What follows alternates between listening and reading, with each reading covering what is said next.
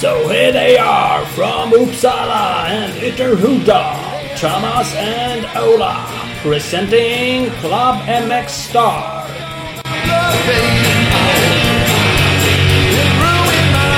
Ooh, yeah! Club MX Star Podcast. Hej, hej, så är det. Det är fantastiskt. Ja, inte ens, eh, inte ens eh, Jönsson nummer eh, avsnitt nu längre. Nu har vi passerat. Ja, då har vi passerat. Nu är vi på Jönsson nummeravsnitt. Avsnitt 148. Ja, 147 var ju sist. Då var det Jönsson nummer. Det var det. Jesper. Nu vet jag inte ens vem som har 148. Nej, vem har det egentligen? Finns det någon? Oklart. 48 har väl, vad heter han? Supercross tappade namnet. Jag fick jag bara för mig att det var någon som hade i alla fall. Och tappade Ja, så fick det det. ännu mer Fjor- fel. 14 eh, Kevin Windham och 8 Ja. hade Langston. Kör på det, det blir bra. Det är Kevin Windham och Grant Langston avsnittet. Ja, ja, den tar vi. Det är inga konstigheter. Mm. Klart. Och det är avsnitt Ja. 12 för i år. Vem har vi på den Yes. då? Vullemin.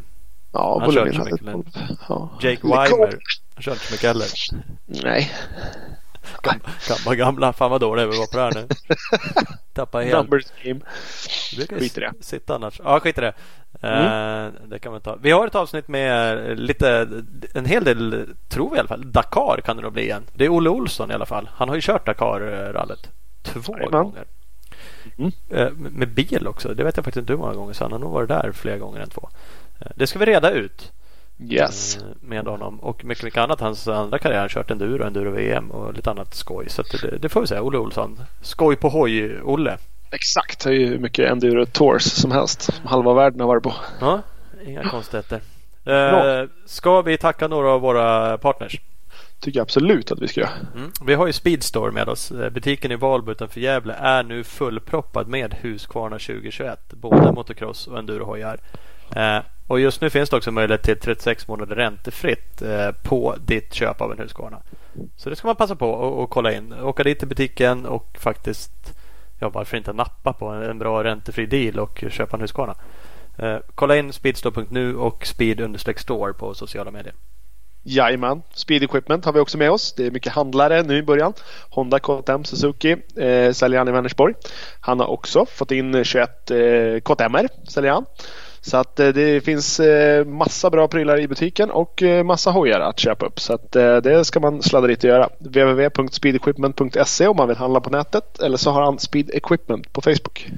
Jo men visst och vi har CEC Motorcycles, Tibro och Kållered. Det är två fullmatade butiker. Tibro och Kållered alltså som säljer märken som Yamaha, Honda, Suzuki, Kawasaki, KTM, Husqvarna. Så massa goda goa märken. Och där är det 2021 hojar från Husky som har rullat in i butiken. Eh, I Tibro-butiken och eh, KTM 2021 är i Kållered. Så att eh, Ja, Både Husky och KTM i Kållered. Där kör de dubbel, eh, dubbelsmäll. du ser ju, inga konstigheter. Ja, ingen skit. Så att det är bara att kika in där och faktiskt eh, hugga så fort som möjligt så har man ju tur att lägga vantarna på en eh, ny bike. Eh, gå också in och följ dem på Instagram och Facebook på CC Motorcycles. Jajamän. Absolut göra. Det ska man göra. Eh, lysande. Nya hojar som sagt. Det är alltid kul. Faktiskt. Nya hojar, ny säsong. Nu ska vi äntligen börja tävla och det är mycket roligt nu. Det händer en hel del. Apropå tävlingar så var ju jag åtminstone på Karlströms Speedcross. Körde i Enköping en kvällstävling. Mm, Eh. det var ju sjukt bra uppstyrt. Jag drar igång massa grejer. Eller jag blev kontaktad och så bara lovade jag att bara det är vi med på. No problem. Sen stannar jag hemma. Ja, det var ungefär så. Jag var lite Taktik. Hinner vi med Nej, jag där? vet inte, hinner inte, vill inte, kan inte. Men okej då. Bara för att jag var så jävla pepp. Och sen eh, så blev jag hemma. Ja. Men ni skötte det med bravur. Ja, vi fick, jag, du fick in eh, Erlandsson som stand-in för mig. Patrik Erlandsson var ju med och vi gjorde ju lite test där att eh, livesända också på Facebook ihop med Drone Sweden. Eh, några sköna lirare som flyger eh, drönare. Ja. Eh, så klippet finns ju på vår Facebook-sida live och jag slängde faktiskt ut det på Youtube också så man kan kolla på hela hela sändningen. Nä, nästan hela sändningen, i alla fall hiterna. Det är fyra kval hit, sista chansen och A-finalen finns att se på vår Youtube-sida också. Jag hörde någon som hade analyserat fram att det var roligare att titta efteråt för då kunde man spola fram och tillbaka som man ville. Ja, ja, men så kan det vara. Det, det var ju hela sändningen, var den tre timmar? Livesändningen som ligger på Precis, Facebook-sidan. precis. Den blir lång och där var det lite pauser och då låg sändningen fortfarande ute och lite sådana saker. Det, det har jag klippt bort det mesta om man går in på Youtube så kan man göra det. Då får man faktiskt bara hiterna lite mer sen. Mm. Se vad vi gör för er Bra racing och, eh, bra racing och bra startfält och äh, bra jobb överlag. Ja men det var det. Och lite apropå det du sa, det drar igång. De var, inte först i Sverige med den här tävlingen. De har kört någon med någon annanstans. eh, Lite liknande racing. Så det har ju kommit igång med, med, med crossracing och enduro-tävling också för den delen. Ja, Det är kul. Så det, och det är ju de flesta, eller alla kör väl helt enkelt publikfritt. Så är det. så är det. Så är det. Och Men vi ska ge, passa på att ge en eh, big up till eh, Daniel på Karlströms Motor som eh, var med och drog igång hela den här tävlingen. Det ska jag ju helt klart ha. gjorde han rätt i. Svinkul. Och det var som sagt, vad kan det vara, 35-40 stycken anmälda. Det hade väl kunnat vara fel, det fanns plats för 50. Men det tycker jag var en bra uppslutning och det var ju jävligt bra startfält, precis som du sa. Vann gjorde ju Albin Östlund, Yes! VM-stjärna. Eftersom han hade varit gäst tidigare så vann han även en extra lax från oss. Precis, vi gick ut med det. Att vi slänger upp en tusing till eh, den av våra tidigare gäster som placerar sig bäst. Och vinner man då är man bäst. Ja, Eh, det är man- inget snack. Det är inget snack. Eh, vi slängde också upp en tusing då för att vara lite schysst mot de som inte har varit gäster. Så att, det langade vi upp till den som var bäst placerade icke-gäst och det blev ju Albin Gerhardsson. Ja, vi hade ju ett litet krav och det var att man skulle eh, tagga oss i sociala medier och visa att man ville vara med och tävla. Så var det faktiskt om någon nu Det var väl egentligen det han vann på. Annars tror jag någon annan hade kunnat smita in lite innan där.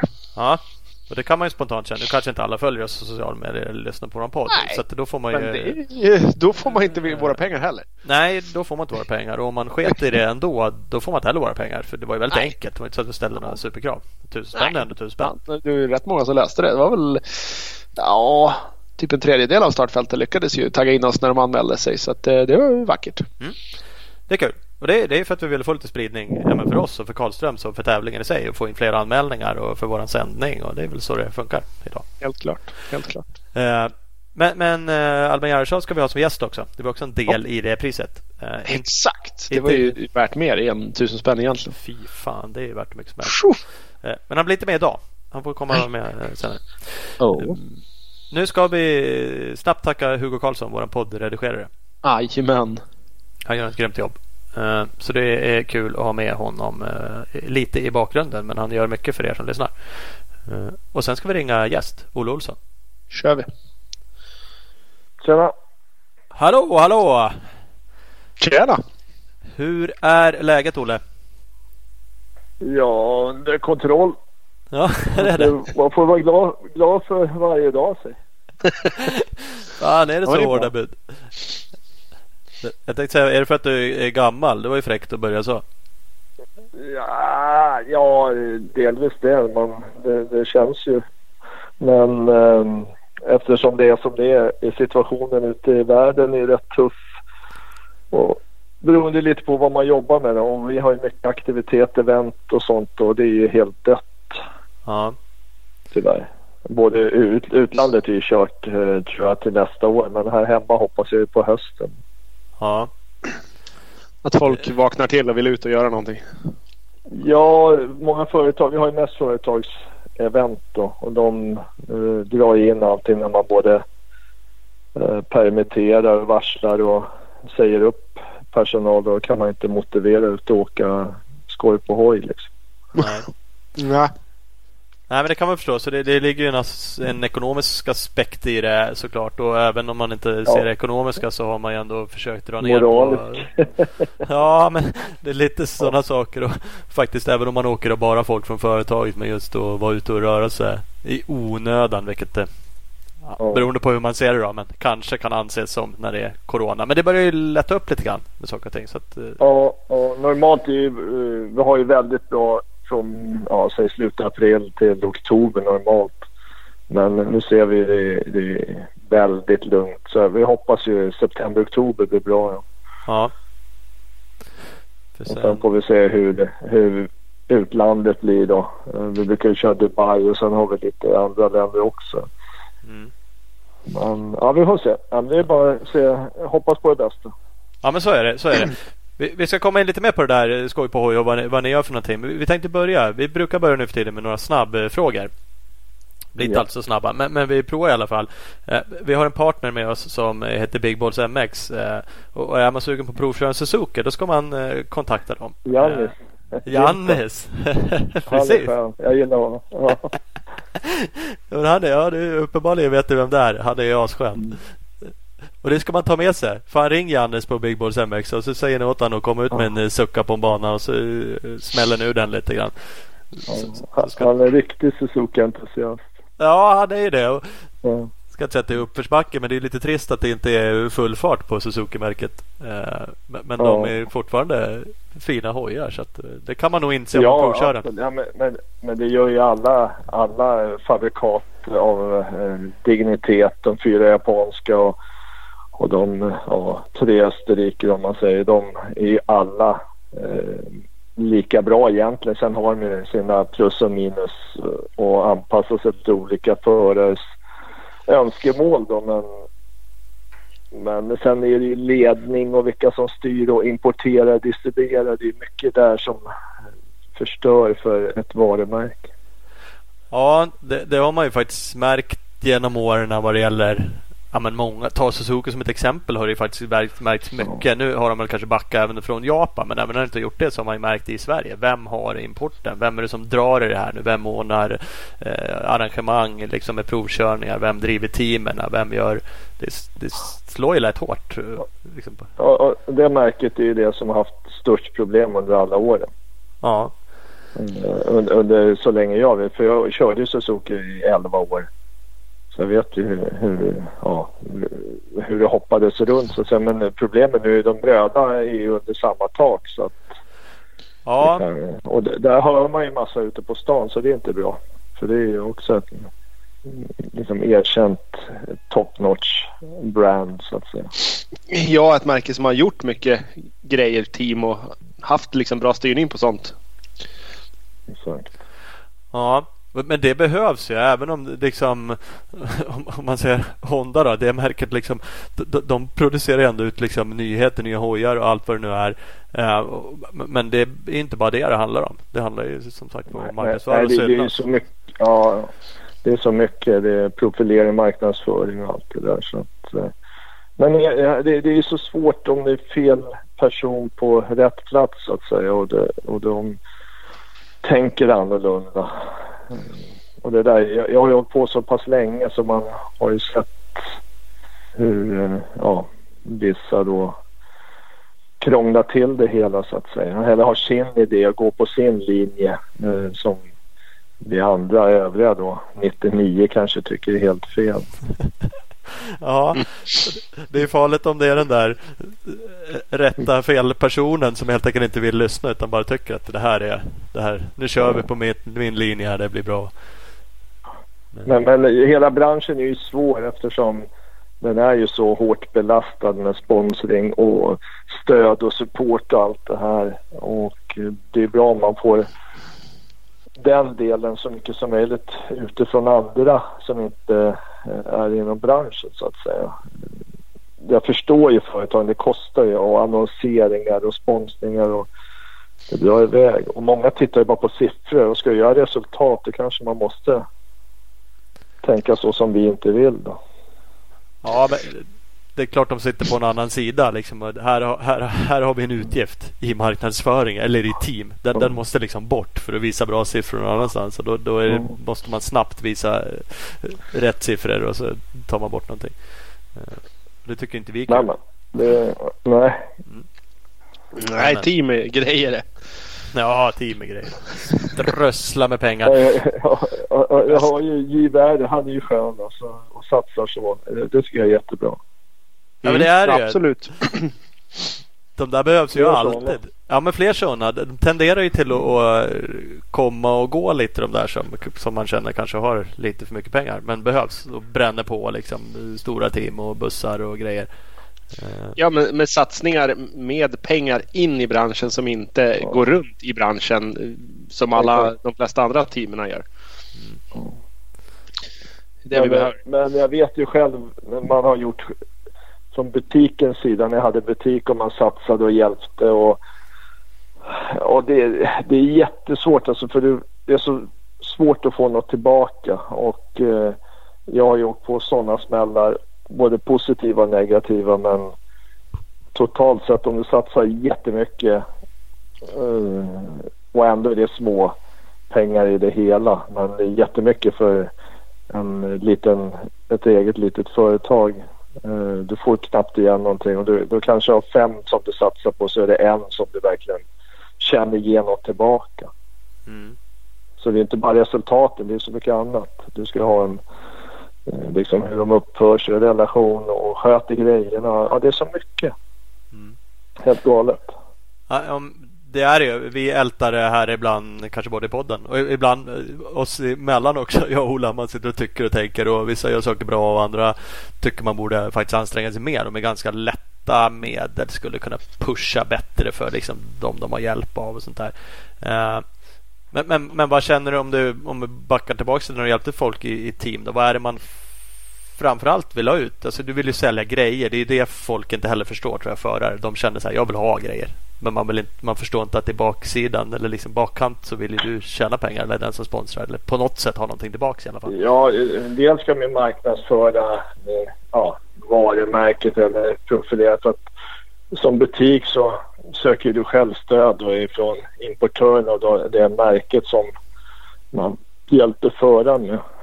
Eh, det ska se snyggt, rent och snyggt ut och sen ska de ju uppföra sig och så ska de inte krångla liksom, hitta på dumheter. Men det är, ja, eh, man, man ska inte snacka skit om folk men det är sådana hemska historier och det är så duktiga förare. Sådana talanger som liksom har, när, när nästa trappsteg ska tas eller klivet in. De kan vara skitduktiga i distriktet och hemma och på SM och sånt. Och sen tänker de fel, jag vet inte, du lägger upp det fel. Även fast man talar om för dem att eh, skit i EM eller VM, för det kostar. Åk eh, nedre norra stället för där är 10 000 prispengar och där vinner du liksom. Ja. Mm. Och, och sen lyssnar de inte ändå. Och så Nej. kostar det 50 000 en helg istället för att få 10 000 plus så är det 50 back. Liksom. Ja. Och det här är ju många år sedan vi höll på så där. Det, det, det, det, är ju inte, det är inte rocket science. Det är ju många, många som har gått i den fällan förut och gjort de här ja. grejerna. Så det går ju faktiskt att lyssna på folk och, och lära. Ja. Men eh, som ja, man vill... länge och har erfarenhet. Ja. Man vill gärna göra sina egna misstag. För, för många förstör ju både för familjer och, och, och en del farsor är ju helt förvridna. Eh, så att, ja, jag vet inte. Men eh, det är nog generellt sett all motorsport. Det kan ju vara andra sporter också. Eh, men motorsport är ju relativt dyrt om man inte jämför med hästsport. Då. Att, är, ja, är, det det som det, gör att det, det slår slint? För det är som du säger, ibland känner man, man är ju mest inne i sin egen sport. För då känner man så här, vad fan är det bara folk i den här världen som är så här jävla... Ibland tycker man ju verkligen att de är blåsta liksom. Vad fan håller de på med? Och inte lyssna på varandra. Det är så sjukt egoistiska. Ja. Man, man, liksom, man får massa tips och grejer. Ja, men jo, uppväxt med de, de, där. Men om vi tar något annat då, inte vet jag. Är man så här i orientering liksom också? Att man bara tänker inte lyssna på någon. Spelar ingen roll om du har vunnit fem VM-guld. Jag bara kör mitt egna race.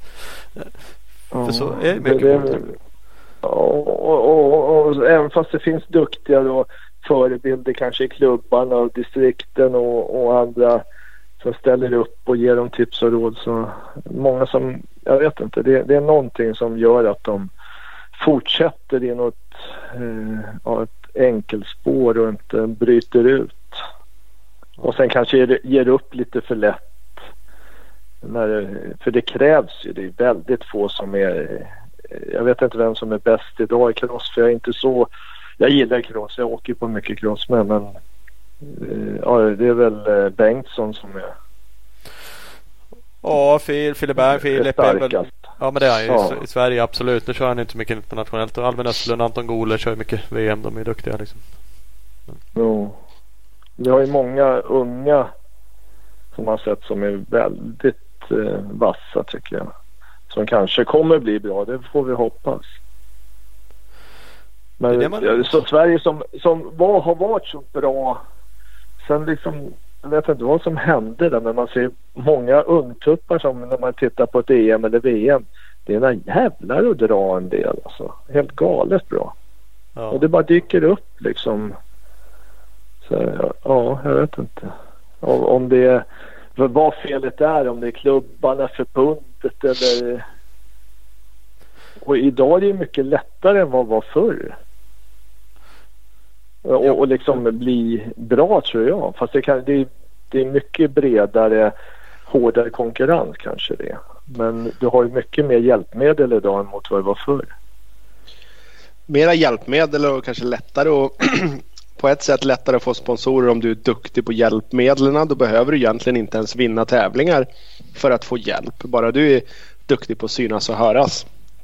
Men eh, eh, på, på, ett sätt är det ju svårare. Du kan som ett, vem som helst inte åka till ett VM och försöka kvala även om du Ja, även om du liksom som Filip Bengtsson har ju problem. Han kan inte bara dyka upp på ett VM och säga tja jag vill köra utan han lär ju åka via Nej, då måste ett vi köpa. Ja, det är att vi måste köpa in en. Jag vet inte vad de tog ner i uh, Uddevalla om det var 15 000 bara för en, en svensk skulle få starta då. Mm. Ryktet gick någonstans 15 eller 20 000. Men, men det, sådana pengar går ju att fixa om det som ska åka. Men det är roligt om de kan åka eller välja tävlingar, selektera kanske mera norra Tyskland, eh, Tjeckien, eh, Estland, Lettland eller någonting. Inte vet jag. Ja, alltså bara för att man ska tävla utomlands så måste man inte åka VM eller EM. Utan man kan åka nej, andra nej. race med bra motstånd. Ja, ja. Addax till exempel. Och nu såg jag Tom Viall eh, var ju körde i tjeckiska var det var. Mm. Ja. Och vann där. Ja, men det var ett gäng som var det. Och alla är ju så sugna nu.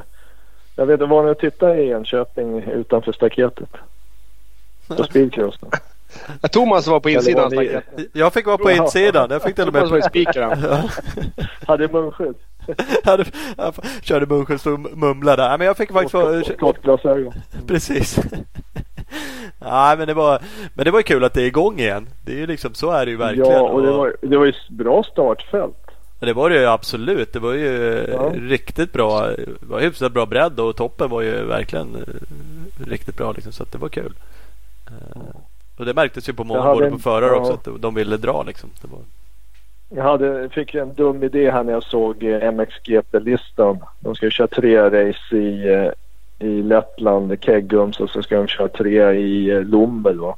Mm. Tre på raken blir det kan man säga. När jag började räkna på det där så drar jag över och sen kör lite hoj och så titta på två dagar. Kör hoj en dag, titta två dagar, kör hoj två dagar, titta två dagar. Med båt och allting. Först får inte svenskan åka utomlands. Nej. Sen eh, tog de bara in tusen eh, in eh, ja, På publi- I publik ja. Publiken ja, till att Mm. börja med om det inte ändras. Så, och de tar ju de inhemska så att det skets ju direkt. Fast det var en rolig idé. Ja, det var ett grymt upplägg så annars och gjort ett, Ja. en kombo liksom. Ja. Så boendet det hade jag fixat redan men resten skett. Det är ingen som tar sig dit. Fint boende men det är gott att ta sig dit. Ja. Ja. Hur fan får de ihop det Men vi, där? kör, med- vi kör mycket vi, vi kör mycket i Baltikum och med- just i Lettland också. Så vi hittar ju bra där och känner folk. Och, så vi har nog kört där i åtta år nu. Så här långturer på en vecka. Ja, men jag, såg, jag försökte eh, göra lite research på det och rotade igenom bilder Mm. på Facebook. Då var det någon bild fotad från just banan där i Kegums. Ja, ja och, och vi busåkte lite. Han, han, gubben som hugger ved utanför vid ena grinden. Han brukar tutta lite vodka så han är, han är lite grinig när vi drar ett par varv på banan. Det är lite nice när den är nysläpad. Ja, den såg jävligt fin ut då på de bilderna. Ja, Ja, ja. Så det, det en, vi brukar ta det innan vi åker ner till färjan och åker hem. ja, det sista liksom så ni kan fly sen. Fly landet. Det, det är inte så ofta man får dra om den på en VM-bana. Nej, det är det ju faktiskt inte. Så då lär man ju passa på. Ja, Den är fin den här banan. Ja, det är kul. Hörru, vi ska prata mer om det. Nu ska vi ta de här snabbfrågorna. Ja. Ja, Ja, de är enkla. Eh, fullständigt namn. Olle Dan Olof Olsson. Eh, ålder. Eh, 59, komma- vad är det, 10 va? Ja. Kanske du slipper festen tänkte jag säga. Svårt att ha stora fester. Ja, jag har bokat upp eh, hos en hojkompis, hans restaurang. Tänkte jag planera in då. Eller det är redan planerat, får vi se då. Vi avvaktar lite. Så Ja. blir det en, en jättebalans då. Vi hade ju när jag fyllde 50, då var det från fyra världsdelar, 12 länder här. Vi var väl 80 personer. Sådär ja. ja. Så var lite coolt. Det är ju jävligt coolt, helt klart. Eh, Annars får man egen fest på nätet. Ja, man får ha det. Det är så man gör när man träffas där. Skype- Någon- Skype-fest. Skype. Det är fan inte lika kul. Eh, bor. Eh, Vallentuna. Uppväxt. Eh, norr om Gävle. En liten håla som heter Katrineholm. Men sen eh, flyttade vi tidigt till Sollentuna. Så Sollentuna är min... Eh, ja, det är där man växte upp då. Ja. Eh, familj. Eh, en dotter och en son och en liten hund. Ja, du ser. Eh, Dold talang. Eh, ja, mentalt stark. Ja. Det är bra. Bra talang om inte annat för, för hojåkning. En grym talang. Tvåtakt eller fyrtakt? Eh, det är nog lika kul. Det är synd om de som inte fått åkt eh, 125 tvåtakt. Ja, li, ja det är lika kul. Så det brukar Det är nog upplevelse Ja, för för det, det, man- det man lär sig på tvåtakt är kopplingskontroll. Mm. Och det är många som inte har det idag. Så skaffa en recluse istället och sen eh, tappar de all hojåkning. Ja. De blir bortskämda. Så kan det faktiskt vara. Eh, tvåtakt eller fyrtakt det är ju bensinmotor. Men bensin eller el då? Ja, det är bensin. eh, Det får jag inte säga högt om, men bensin än så länge. Vi, vi ska prata lite om det där, det där andra också. Eh, eh, favorit eh, eller grupp? Oh, det är en hel drös där. Uh, men jag säger Roxette eftersom jag gjorde en video med dem. Det var ju grymt. Eh, Alltså, gjorde, alltså re- regisserade den eller var med i den? Nej, nej, vi var med. Vi var några hojgrabbar. Uh, en är tyvärr gått bort. Uh, Engvalls brorsa. Ja, Och sen var Patrik Sjöstrand. Uh, vad han då? Tomelilla va? Mm. Myresjö husgrabbarna var det. ja, Och sen var det Freddan Kjellman som var meck och Snyder så jag. Jag tror det var fem stycken. En meck och grabbarna också. Fem stycken var det. Den kan du se på eh, Youtube. ja, det. Det lär vi leta upp. Eh, Det heter Big Love med Roxette. Oh, jösses. Så då kör vi hoj där. Ja, riktigt coolt faktiskt. Kul, kul. Ja, men då kan man ha dem som favoritartist. Det är helt okej. Det kan man ha ändå. Roxette är fan en bra grupp. Ja, det finns så många som helst. Alltså hur många som helst. Jag är anmäld. Det är så. Ja, men det är bra. Eh, En eh, sista då. Kåsan eller Dakar? Ja, Kåsan är hemsk alltså. Jag har aldrig tyckt om Kåsan. Och Dakar är ju inte rolig den heller men eh, ja, måste jag välja idag så äh, då får det väl bli Dakar då. Ja, skönt. Ingen rolig Det det var, det var två, två dåliga. Ja, två dåliga. Ja. Om, om, du hade, om du hade sagt Kåsan eller Pejen då hade jag tagit Pejen alla dagar i veckan. Alltså, vad är den så fin då? Ja, den är ju så rolig. Den är lång och härlig och man hinner se mycket liksom. Kåsan är bara ett, ett pinande. Och det finns inga lätta kåsor. Det finns bara mindre svåra. Tack. Det, det värmer. Vi har ju åkt en av dem som klassas som den lättaste någonsin. Så att, Det finns inga lätta egentligen. För det är så mycket annat liksom. Det är inte bara... Alla de där stora tävlingarna kräver så mycket förberedelse för att du... Det är inte bara att åka hoj. Det är så mycket runt omkring. Logistiken och servicen och personalen och hojarna ska funka och liksom... ja. Och eftersom det är så pass långt och händer någonting så blir det jättestruligt. Alltså. Ja. Nej, det, det är ingen favorit kan jag säga. Nej, nej, ja. Jag hör dig och förstår dig. Mm. Så jag är imponerad de som Jocke Ljunggren och nej, det är så många som är duktiga på Kåsan och möter på Niklas Blom, liksom Vimmerby. Vad har han, 20 stycken? Ja, jag kan. som sagt, jag har kört en som alla säger den enklaste någonsin om man nu med betoning på enkel. Var det Knivsten? Ja. Men det var ju jobbigt ändå. Det var ju min första och alla förberedelser och allting. Ja. Jag var så jävla less på det där. Jag kände när jag gick i mål. Jag var ju skitglad såklart liksom. Men bara, äh, fy fan det här är inte kul alltså. Det, det här Nej är... men det, det, är inte roligt. Det, det, det är inte kul. Nej. Och det, det, nu kanske man låter som en gammal gubbe men eh, det var lite så jag halkade in även på åka långlopp istället. För jag hade kört så mycket tävlingar och kört så mycket enduro och sen när man kört på i Enköping hur bra arrangemang som helst men samma bana i 20 år. Man kände igen det som, eh, det var ju som en hemmabana och så var det någon som har fått för sig att han skulle göra en liten ny slinga och pila om. Och då låg man ju på trean, fyran och så var det en jävel som hade lagt en stock över och så en pil, svängpil. Oj. Och då kände jag, nej, då drog jag till Australien. Då sket du i det, gjorde något annat. Ja, det blev lite att man har, ja, jag vet inte, inte tröttnat men eh, och sen började jag, när jag liksom slutade ordentligt att tävla, eh, om man säger aktivt, då började jag köra småtävlingar eller leta upp tävlingar som jag visste var så nice. Som man bara åkte med ett leende. Eh, det fanns Revingehed i Malmö hade en som hette Pansartrofén exempelvis. Då sådana tävlingar. Alltså, grymt läckra, ja. roliga tävlingar. Ja. Hässleholm bland annat har också en fin. Ja, det finns fler ställen. Det finns många bra. Inget negativt till de här kämpande eh, Uppsala och Enköping och Botkyrka. Nej men de har ju sitt, alltså det, jag, jag hör ju vad du säger, det är lättare att bara låta lite negativt. Så det kan jag också vara. Bara fan Kåsan, skittråkigt och allt vad det är. Och jag har ju bara kört en så jag blir ändå sådär, ah, kanske ska köra en till. Alltså det finns ju en utmaning i saker och ting. Du hade ju kört så mycket så du kanske är ledsen, det har inte jag gjort. Men, men jag kan också förstå det här med att ah, det går ju att leta upp roliga race liksom. Det går ju att åka ja, ja. parenduro i Hallsberg istället liksom på hösten när det är ja, perfekt ja, fin bana liksom. Ja. Istället för att och, och det är inte fel. Det är inte fel att, att prova lite andra områden.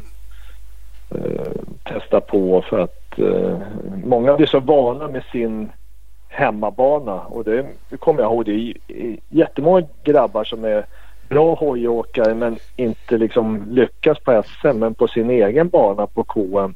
De kan vara hur snabba som helst. Ja. Så att det är bra att prova andra områden liksom. Och inte bara nöta på sin egen bana.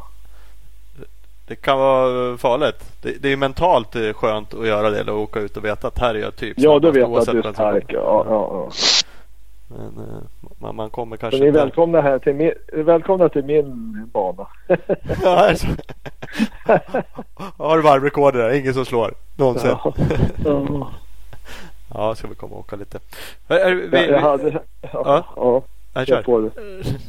Jag hade ett varvrekord på Knutbys eh, crossbana innan det vart eh, MX, eh, vad heter de för alla där.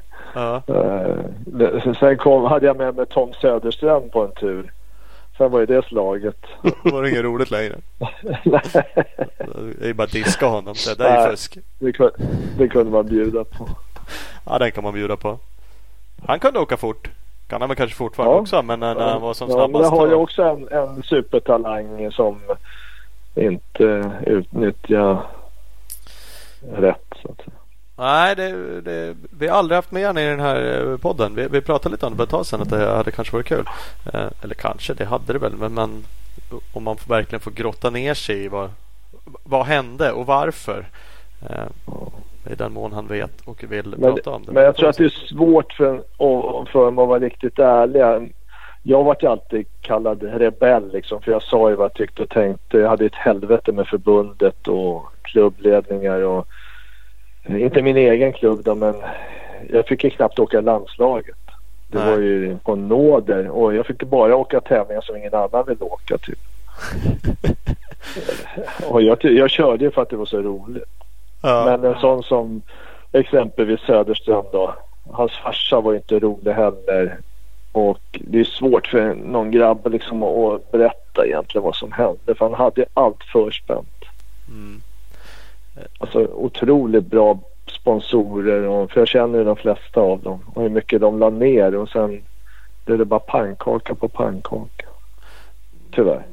Ja, tyvärr. För att eh, på något sätt så kan jag fortfarande känna att han är det finns många andra som är duktiga men han hade liksom någonting. Han var så jävla duktig på att åka Ja. hoj. Och liksom man, man Ja. tittar på- alltid på honom och den- här känslan han hade och spårvalet och liksom hur, hur, hur roligt han kunde ha. liksom. Ja, eh, verkligen.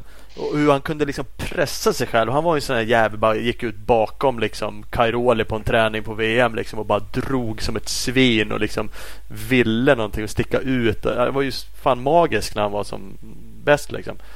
Ehm, Ja. Men... Ja, jag har eh, ju någon eh, som hade varit med han i Frankrike och så hade han kört. Han tränade och då var bröderna Porcell där. Ja. Och de visste inte vem han var. Och han, han var ju liksom... De hade ju fullt sjå att hänga med honom. Ja. Mm. Och de sa, vem fan är det där? Och han var, det var bröderna Porcell. Vad är det för några ungefär? Så bara stekte han på.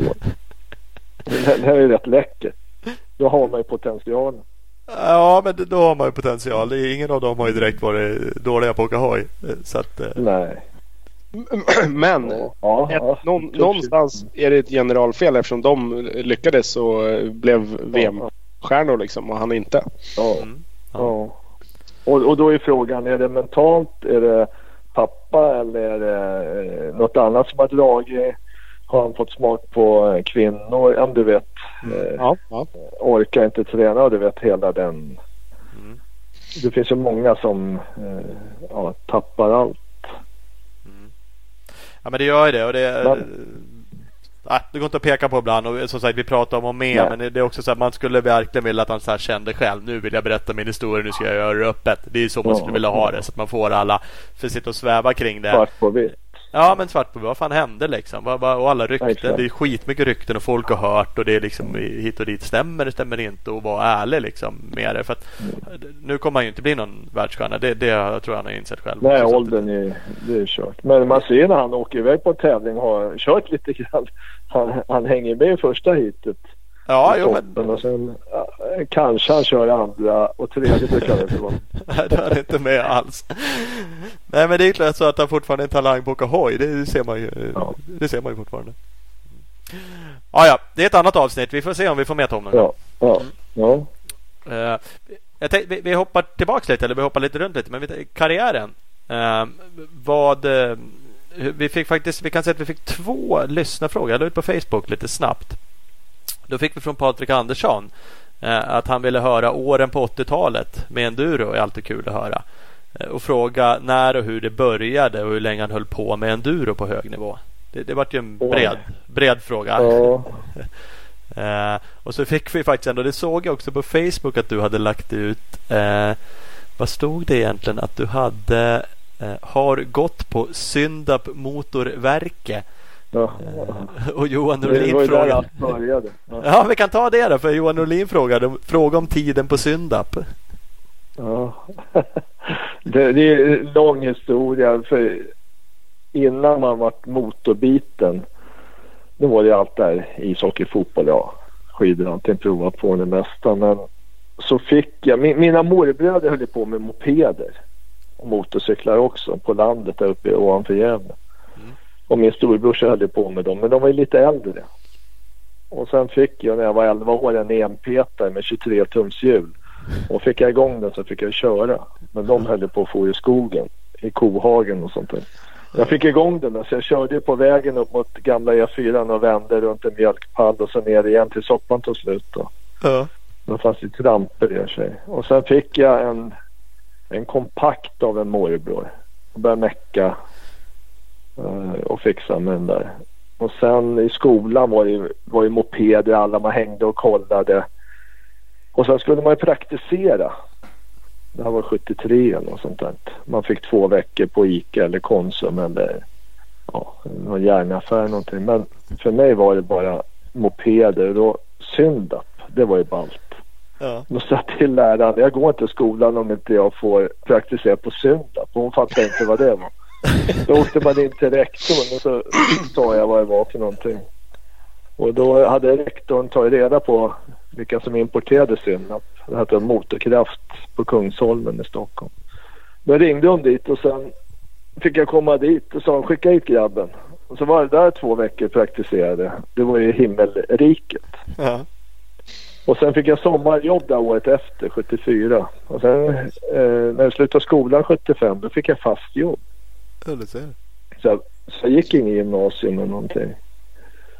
Så jag började där då. Så att eh, ja, så att eh, det var liksom starten och då började man lära känna hela den här gamla stammen av eh, både enduro och crossgubbar.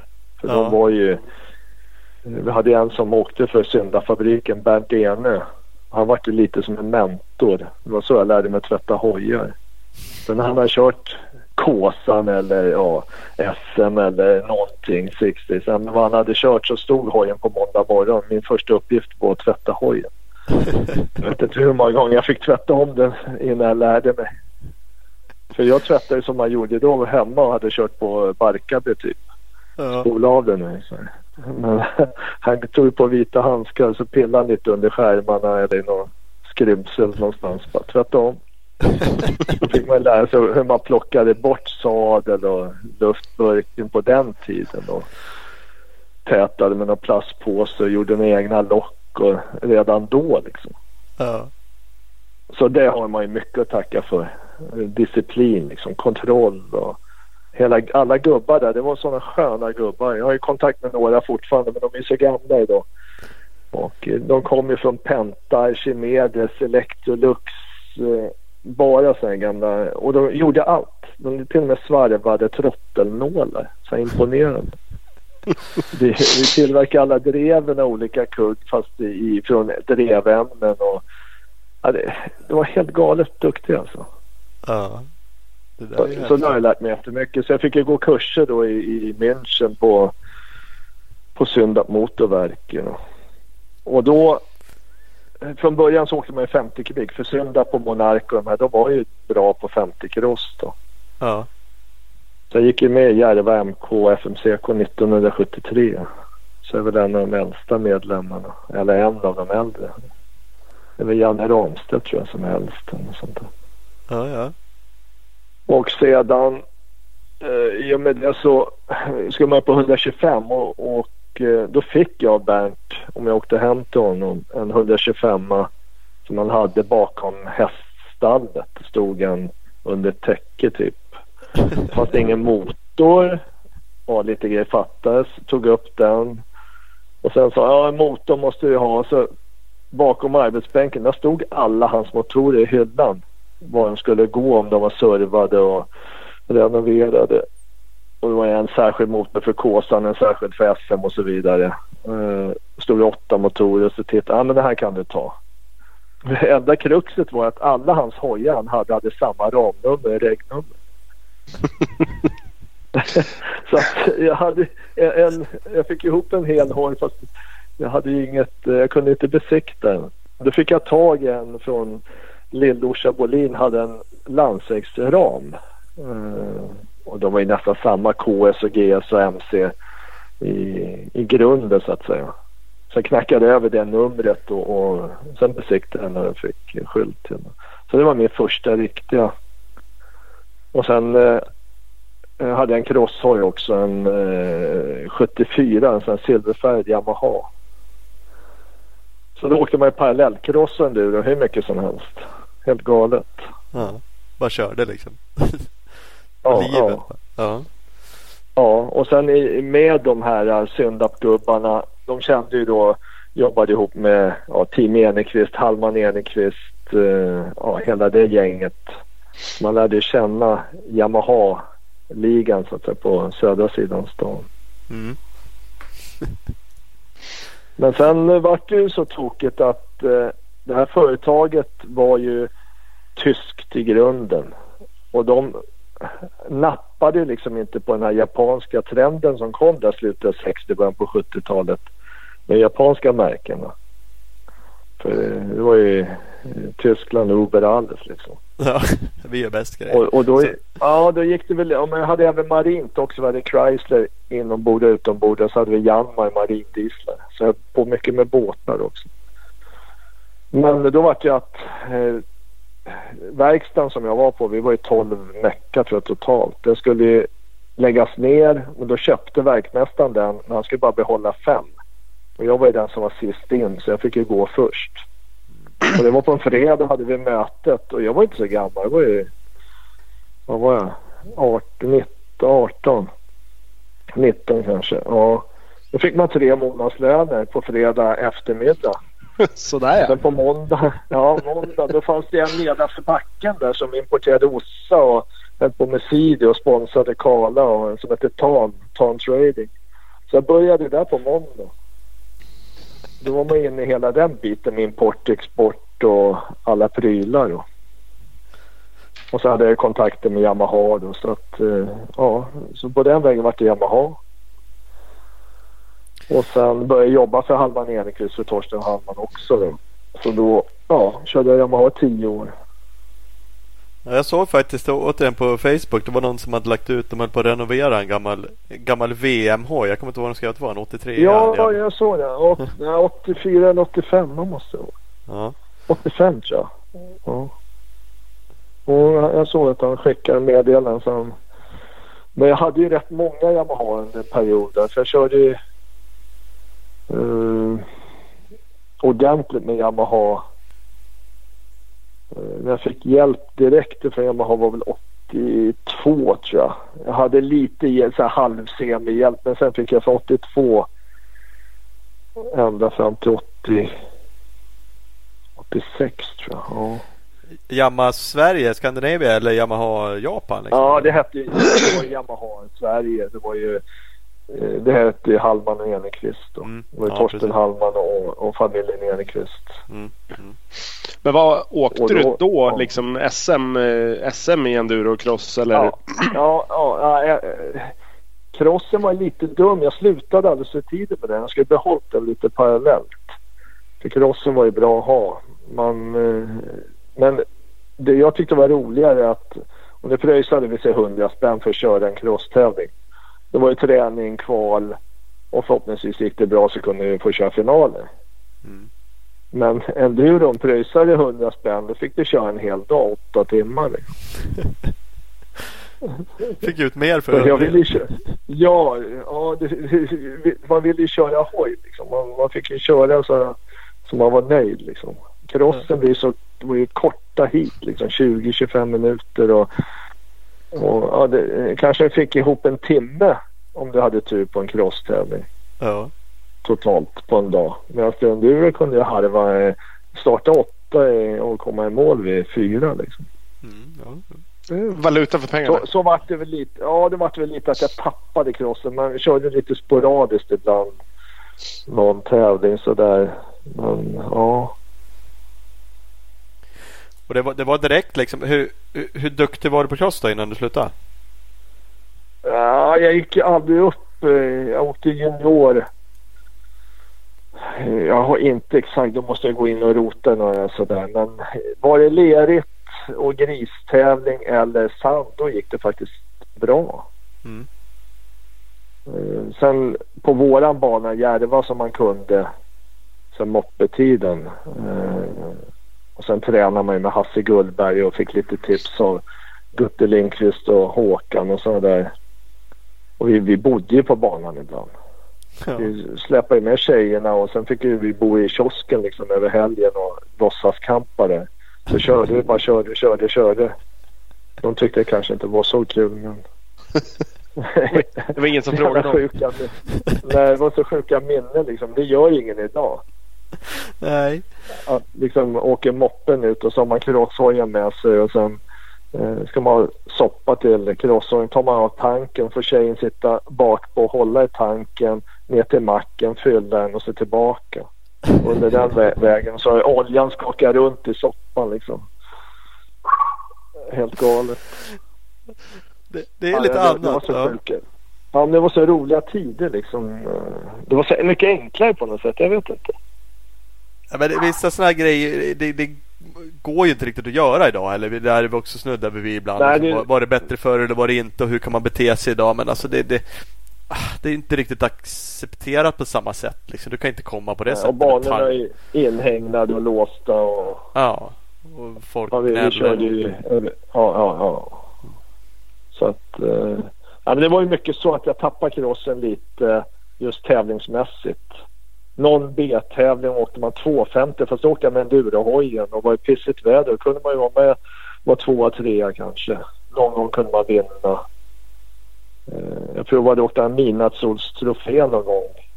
Hoppade in för att jag kom hem någon vecka och tog med hojen upp och åkte. Men det var ju blandat 125, 250, 500. Mm. Och det var ju rätt tungt i den där sanden uppe i Umeå eller Sveg eller... Men det var roligt. Men enduron då när du gled över på det. Var det, um, hur gick det där då? Och vad, liksom, vad, vad tog Ja, det? Var gick- SM och... Det gick rätt bra. Jag hittade en bakskärm som låg i en hörna. Då, jag tog mina första SM-poäng 1981 eller något sånt där. Jag tror jag varit femma eller något sånt.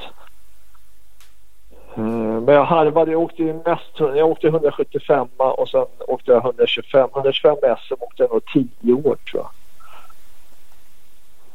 Och eh, jag vann väl både, jag brukar säga det, vunnit KM och DM och sen har SM var jättesvårt att vinna för att det var så många duktiga. Man kunde vara fyra, fem eh, förare som slogs om eh, vinsten till sista tävlingen, deltävlingen.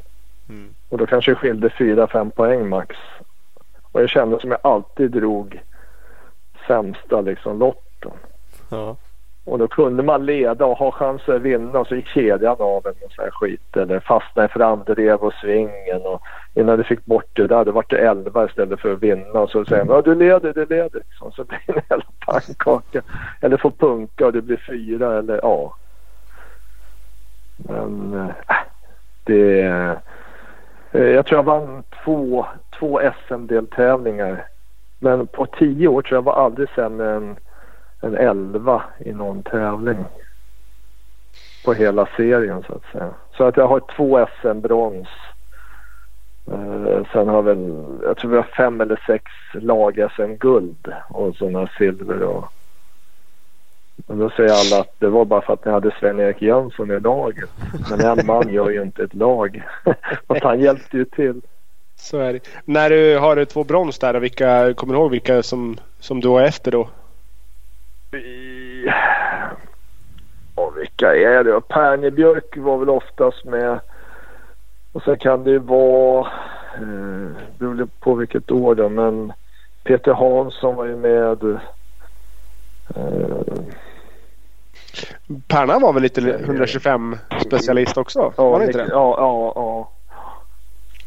Eh, så min jamma skulle ju vara en Husky Killer. Reportagebike tror jag 83 och sånt där. Men det var ju mest Husqvarna KTM. Det var ju inte så mycket japanare.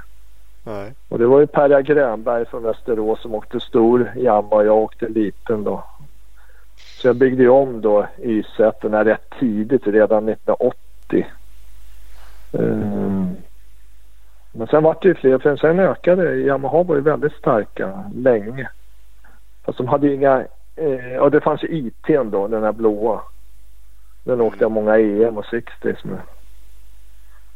Jag har faktiskt fått tag i en likadan som håller på i ordning. Jaså? Mm. IT 175 82. Så det, Ja, det- men, men just de där. äh, men jag har ju kört nästan. Jag tror jag har kört det mesta. Inte alla tävlingar som finns då, men. Det är nog en 600 enduro-tävlingar plus. Ja. Ja, det är några stycken onekligen. Ja, och sen har jag tävlat i så många länder. Jag har ju tävlat i 50 länder. Besökt 98 tror jag. Ja, det är ju också en merit. Ding, ding, ding! Vi har ett litet reklambreak. Vi har ju Opus Bilprovning med oss. Eh, på opusbilprovning.se kan man ju såklart boka sin besiktning. Eh, men här finns också annat nyttigt och intressant eh, information. Som exempelvis sju saker att tänka på när du bilar med dina barn. Eller hur du packar din bil, husbil, husvagn, både smart och säkert. Så att gå in på opusbilprovning.se så kan ni läsa om allt möjligt smått och gott tips på hur man binder fast barn eller något sånt? Jag tror att det är det. Ja, precis. Det är silvertejp, eh, tips 1. Eh. Det är olika, olika fastsörjningsvarianter. Trasselsud och eter. luras och säga att vi ska stanna och köpa glass snart. Jag lovar. Jag lovar. Hur många gånger kan man säga det? Det kan man säga fyra gånger. Sen kan man gå över till Jo, men du ska få kolla på crossklipp på telefonen snart snart. Ja. ja. fantastiskt. Mm. vi har Scott med oss. De luras inte någonting. Där eh, står det att barn lär sig snabbt med enkla och bra övningar och eh, rätt utrustning. Och så är det ju. Och I senaste avsnittet av filmserien Heroes Inspire Heroes då får man eh, tips på hur kidsen kan komma igång med MTB. Och det kan ju vara ett bra insteg till vår härliga cross enduro-bransch www.skott-sports.com eller eh, sociala medier så är det Skottsport Sverige. Mm, men så är det. Det är kul med sådana här filmserier. Inte bara när Skott gör det men det är extra roligt när våra partners gör det. Mm. Mm. En annan partner som gör film också, ni ska kolla in deras uh, Youtube-kanal, det är ju faktiskt Husqvarna. Uh, och Husqvarnas hojar, de klart bästa cross enduro-hojarna, finns nu i butik nära dig med årsmodell 2021. Det får man absolut inte missa. Och som sagt, nu är det snart fredag och då vet man vad som händer. Nytt avsnitt på Youtube-kanalen. Den här gången får vi hänga med Albin Elofsson. Eh, så det ska man kolla in, eh, följa dem på, på Youtube där. Prenumerera är det så fint som man gör. Så kollar man in eh, Instagram, Husqvarna Motorcycles Scandinavia och Husqvarna-motorcycles.com. Det ska man göra. Kan man undra hur jävla grym helg de hade förra helgen. Oj oh, jösses. Ja. Kolla in det. Nu kör vi gäst. För kom du ut där? Du körde lite enduro-VM där. Var det under samma år där också? 80-talet? Ja, jag körde både, både EM och, och VM. Ja. Så Hur många? Jag har ju, no, jag har ju några bra. Det, många säger att det var lättare förr, men det var nog fan inte lättare. På, för förr fick bara 10 man poäng. Mm. Idag får 20 man poäng. Mm. Och 10 man att få poäng om det är 100 startande, det är inte så jävla lätt. Nej.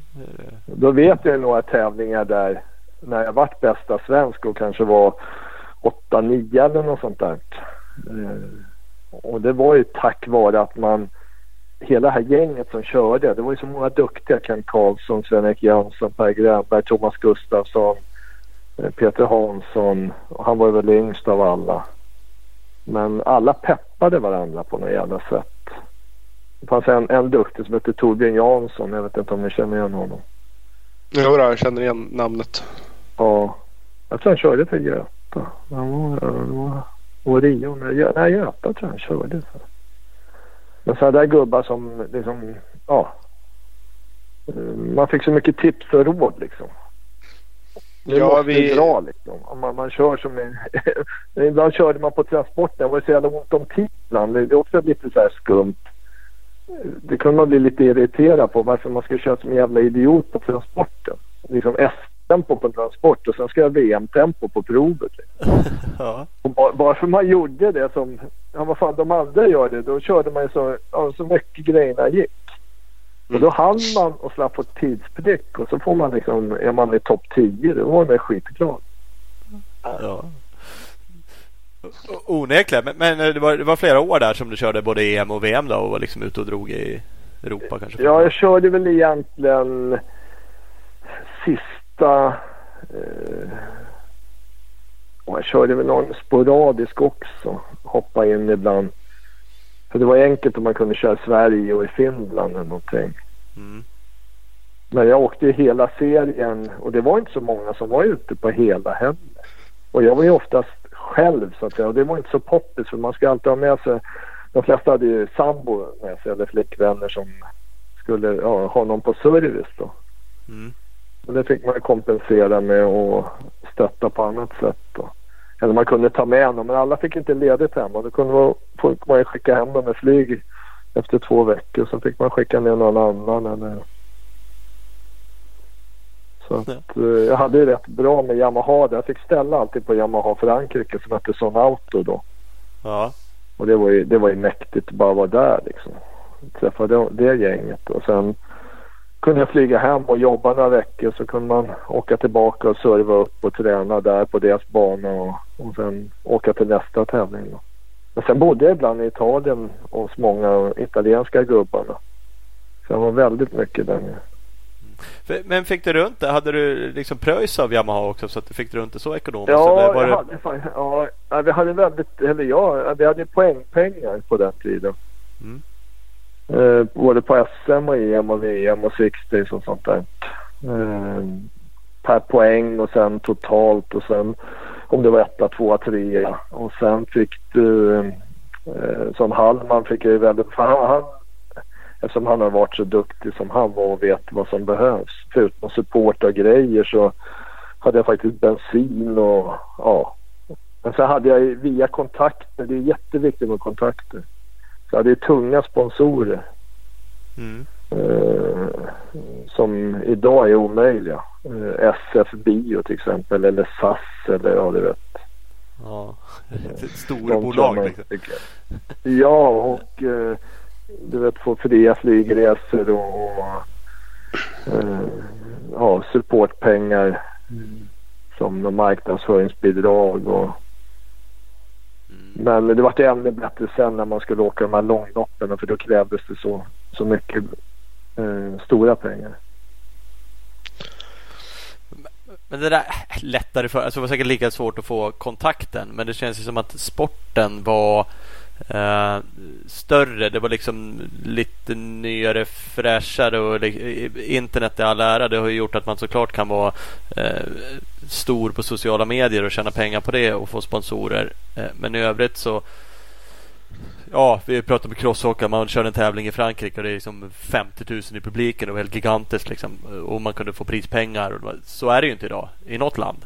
Nej, tyvärr. Eh, tyvärr. Och det, det kanske också var liksom om man säger då eh, SAS alla de här. Det, det, det var liksom större sporten så än vad den kanske är idag. Sen säger jag att det, det var nog inte enkelt att få de där sponsorerna. Ja, ändå, den var nog bre- bredare då på något sätt. Mm.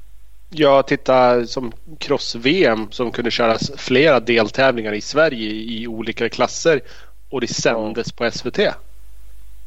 Ja. Ja. Det var ganska länge sedan SVT sände från ett cross-VM. ja, det saknar man ju lite faktiskt. Ja, det var vart ju... vart ju inga. Uddevalla heller. Nej. Nej, och det var ju inte så att de skulle sända en timme därifrån.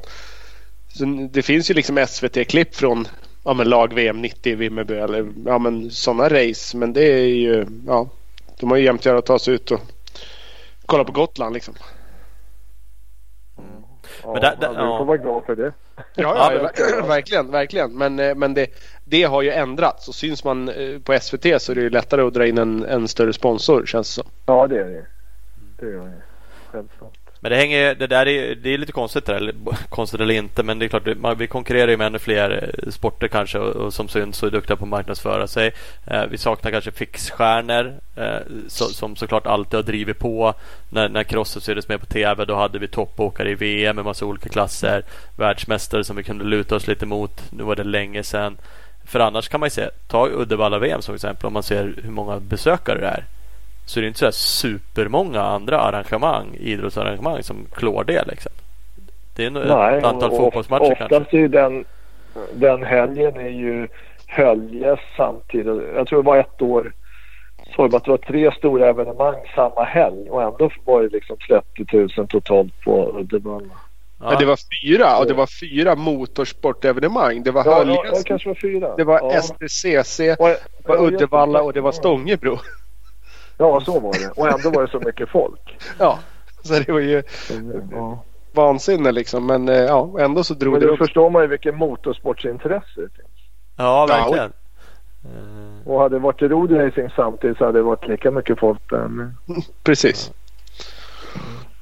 Men eh, ja, Det- är ändå nå igenom bruset. Ja. För klart 30 000. Alltså, ja, det, vad är det för fotbollsmatcher som slår det? Det är landskamper.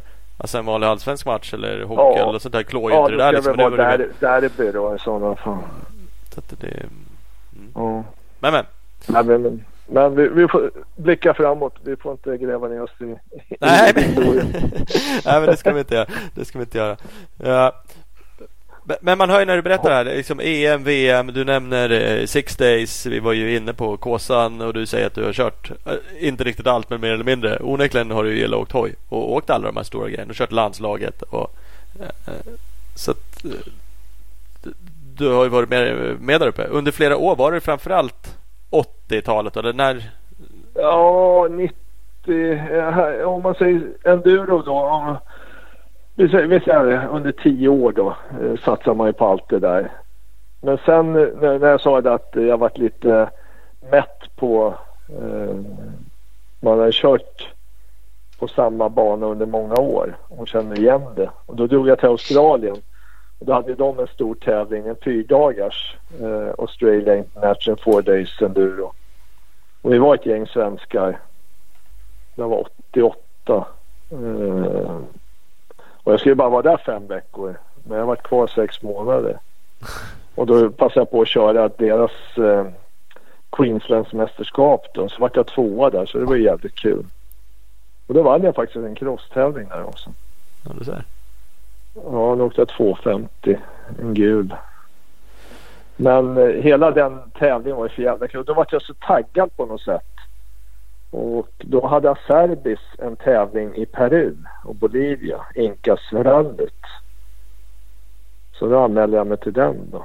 Då behövde man 100 000 för att dra dit. Då hade jag en, en buss som jag sålde till eh, eh, en Engstrand. Undrar om inte han körde för Göta också. Eh, de var två Engstrand. Det var Kenneth Engstrand med hans eh, kusin eller farbror eller någonting det. Ja. Så finansierade jag den tävlingen med. Sen fick det lösa sig sen då. För att komma iväg. Så det var ju också en jävla rolig grej. Och då var jag så biten på det här långlopp. Det var 500 mil på 10 dagar. Och så över Anderna 5250 meter var högsta punkten vi passerade. Det var ju så mäktigt och galet och nere i Amazonas. Och det hände så jäkla mycket under de där dagarna. Vad åker du för hoj då? Vad åkte du för hoj de racerna? 250. En Suzuki. RMX 250 alltså? Som eh, Hedendal ja. åkte Kåsan med? Ja exakt. Uh -huh. Och den var ju lite omgjord då. Eh, ja. Efter ja, egna konstens regler som man hade sett på bilder och kanske sett i Frankrike några år tidigare hur de gjorde men man hade ingen erfarenhet av det där och navigeringen och hela den biten. Och då träffade man, då var ju Kinegarden var med och många duktiga italienare, fransmän, alla de här som åkte i ja, Dakar och, och, Nordafrika och runt om. Då, så, och vilka fina hojar de hade, det var helt galet alltså. Men det var ju bara att nöta på liksom. Ja. Och då, då hade de i klass upp till 2,50 eller över. Och det var ju två dagar kvar och då ledde jag. Och han som var tvåa då var Cyril Neveu. Ja. Han har ju vunnit Dakar fem gånger så det är ingen dununge. Nej. Men han är en liten fransos. Men jag var så schysst mot honom för innan starten en dag så hade han inga bakbromsar så han hade tappat pinnen där som håller i padsen. Och han kunde inte mecka. Han skulle ha en hel stab och det var, var innan start på en 50 mil sträcka. Så hjälpte jag honom att fixa det där. För jag hade extra pads med mig och snodde en M6-skruv från hans kåpa och drog dit med en nylagt mutter istället för pinnen. Så det funkade. så, men då åkte han ifrån mig den dagen och så hade vi en dag kvar. Då var jag ikapp honom. Då hade han ju fått uh, vatten i förgasaren i en jävla flodövergång. Han hade inga verktyg så jag hjälpte honom med mecka där. Så tackade han så drog jag. så var jag före. Men det kunde jag bjuda på. Så hade vi prisutdelning uppe i Machu Picchu så det var ju riktigt mäktigt. Så. Men, va, Sen var det torsk på det där. Ja men det låter ändå så lite spontant liksom. Nej, var i Australien. Bara dra till eh, Peru liksom. Dega upp 100 000. Det är ju mycket idag. Mm. Det var ju inte mindre då gissar jag. Och... Nej, och trollade dit en hoj eller köpte du den i Peru och byggde om den eller? Det, är, nej, det väcker mycket vi, frågor.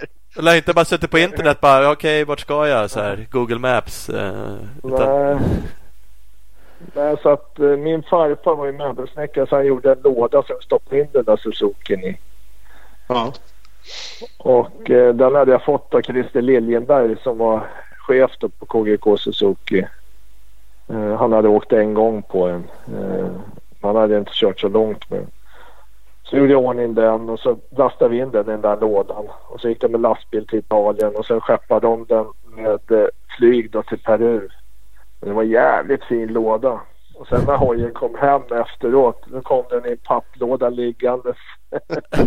så någon hade snott min fina låda. Den lever i någon bostad där nere. Det är någon som bor i den lådan. Ja antagligen. Var så jäkla fint. Men, men så var man ju biten på det där. Sen ja, då började man ju liksom leta upp varenda tävling. Man träffade fransmän och italienarna och, och de rekommenderade. Sen, ja, sen bara rullade det på. Ja, Och då blir det inte så mycket race i Sverige gissar jag när man börjar leta sådana där typer av tävlingar. Nej, då- då, kör man alla. eh, Det här fyrdagars fanns ju så det passade ju bra. Ja. Tyvärr så är den tävlingen borta så jag åkte den 19 gånger. Eller alla 19 som den kördes. När, när var sista året? Det var inte så jävla länge sedan eller? Mm, sista fyrdagars. Ja. Oj, kan det varit fem år sedan kanske? Ja, ja men något sånt. Ja, Ja, nå- någonstans där. hyfsat. Ja, det är bara många. det. 91, 91 tror jag vi körde första gången. Mm. Så lägger jag på 19, 20, 20, nej 2010. 20, det, är, det är nog Ja, det är tio år sedan. 9 år sedan. Ja, 10 år. Det är 10 år sedan. Så det var Men- jättebra för mig faktiskt. Vad var det för år du var där i Peru? Eh, Peru var 88. Nej, det pri- 89, 89 förlåt. Var det liksom prispengar i det där så att det började gå och, och dra runt att, att man Ja, tog det sig från fanns ett ju race till lite nästa? Liksom. prispengar. Jag åkte ju sen... I Australien åkte jag sex eller sju gånger. Australian Safari, deras motsvarighet till Dakar. Mm. Men i och med de här stora tävlingarna. Jag har ju åkt 57 sådana här långlopp där ökentävlingar. MC och sen bil då ett antal. Eh, Det var ju där man kunde få in pengarna Ja. för att finansiera hela den där. Som bäst fick jag nog in något år där 1,7 miljoner i pengar. Det är bra. jättebra. Ja, men det, det som kostar är logistiken, eh, resorna och, och eh, skicka. Jag, hade, jag åkte DR 350 i början. Eh, Suzuki efter RMX så var det Suzuki DR 650, 350 och allt möjligt. Och då hade jag fyra sådana som var ute och snurrade i världen med typ bananbåtar. typ en i Australien, två i Australien, en i Sydamerika och en i Afrika. Det, vet, det var hojar överallt. Att det skulle fungera logistiskt för när man flög till nästa så fanns det en hoj, en var på väg hem och ja. Det var bara hoppas att det står den där när man väl landar. Ja. Och, och då hann du inte göra så mycket för, för då hade jag ju ja, eget så att säga. Eh, Så det var ju träning och tävling egentligen. Och sen marknadsföra sig själv och profilera och jaga sponsorer. Och... Så det höll man ju nästan på med i ja, nästan tio år. Det var liksom jobbet. Det, var, det där var det du gjorde. Ja. eh, Höll på med din racing. Ja. Mm. Ja, ja och sen eh, hade ju Dakar alltid varit ända sedan jag var där på. Jag visste ju vad Dakar var när jag kom till Yamaha där på 80-talet, början på 80-talet. Och då stod ju Dakar-bilarna där, lastbilarna och hojarna. Och de jag bodde med i någon vindsvåning i Paris var i Mecka åt de här stjärnorna. Eh, och sen så ja, tittar man ju på hojar. var ju Yamaha XT och TT och allt vad de byggde om. XT från början. Eh, och då var man ju liksom fan vad ballt. Det tog ju många år innan man eh, satsade på ett Dakar. Och det är ingen lek alltså. Det är jättetungt. Det krävs så enormt mycket. Och det är samma veva då som jag hade sista året med Suzuki. Det måste ha varit 97. Då gjorde jag ett avtal med Husaberg. Med Thomas Gustafsson dels ha eget team och sen att vi skulle starta med hojar då, skoj på hoj då. Mm. Okay. Och då, eh, ja, och då, då signade Husaberg ett femårsavtal. Och då för Dakar så hyrde de in en, eh, en av fabrikshojarna fick jag åka på 98 så det var ju jävligt kul. På, på Dakar alltså? Ja. Mm. Det måste onekligen vara eh, ja, en fin hoj om inte annat. Du kanske även fick ta del av service och alla sådana bitar också då? När du fick... Ja fast jag körde ju den här uh, utan meck då, Malle-motor som den kallas. Ja. Och då kör man ju, du, du får inte byta motor på hojen. Eh, maraton kallades den då, maratonklassen. Eh, så det var ju rätt... Mm, jag var ju ovan med hojen. Jag hade ju inte kört en sån där. Jo, Baja 1000 åkte jag en gång på en KTM mot KTM i USA. Men det var ju samma där. Jag hade ingen aning om liksom fyrtakt stor. Fick ju knappt igång dem där. Det var ju som att kicka en 125 Suzuki liksom. Men, och det är också så här långa historier man kan berätta konstiga grejer om. Det, det känns ju som det var mer sånt där. Det har vi liksom kommit in på med alla som vi pratar om som som är gamla tänkte jag säga. Nej men som körde förr. Att det var ju lite annat med cyklar. Man gjorde ju lite mer special. Det var liksom lite svårare. Idag det vi var inne på precis i början. Med rätt fina alla hojar. Det är liksom elstart, hydraulkoppling. De ja, typ ja, raceklara. Ja, och, ja, i stort sett liksom färdig. Kanske byter till en större tanke. Mm. Ja men skulle du nu... Skulle man i dagsläget rycka fram rondellen och svets och, och gå loss på en 21ans eh, eh, Husqvarna 450 så skulle man bli fullständigt idiotförklarad. Men, exakt, eh, exakt. det är livsfarligt. ja, men, men då när ni höll på så, ja vadå, det, det var väl, det, jag ska ändra en grej bara så det var inget konstigt. Ja, ja, det var ju så. Jag har ju, där är också om vi går tillbaka till tidigt 80-tal. Och då ville jag åka eh, 125 då på JSM sista året och det gick så bra där.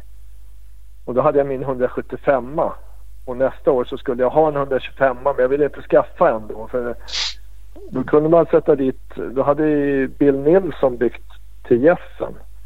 eh, IT 175 och gjort om dem till 125. Då hade han gjort en, en um, distans under cylindern för att det var lite längre slag på 175. Och satt på 125 kolv och cylinder och avgasrör. Men på IT så gick avgasröret ut på höger sida. Ja. Och på YZ gick det ut rakt ut. Och då tog jag sig i ramen. Så på fredagen så kapade man av ramen och gjorde en böj för avgasröret så kunde få plats. På måndag släppte man tillbaka så man kunde åka 175 nästa.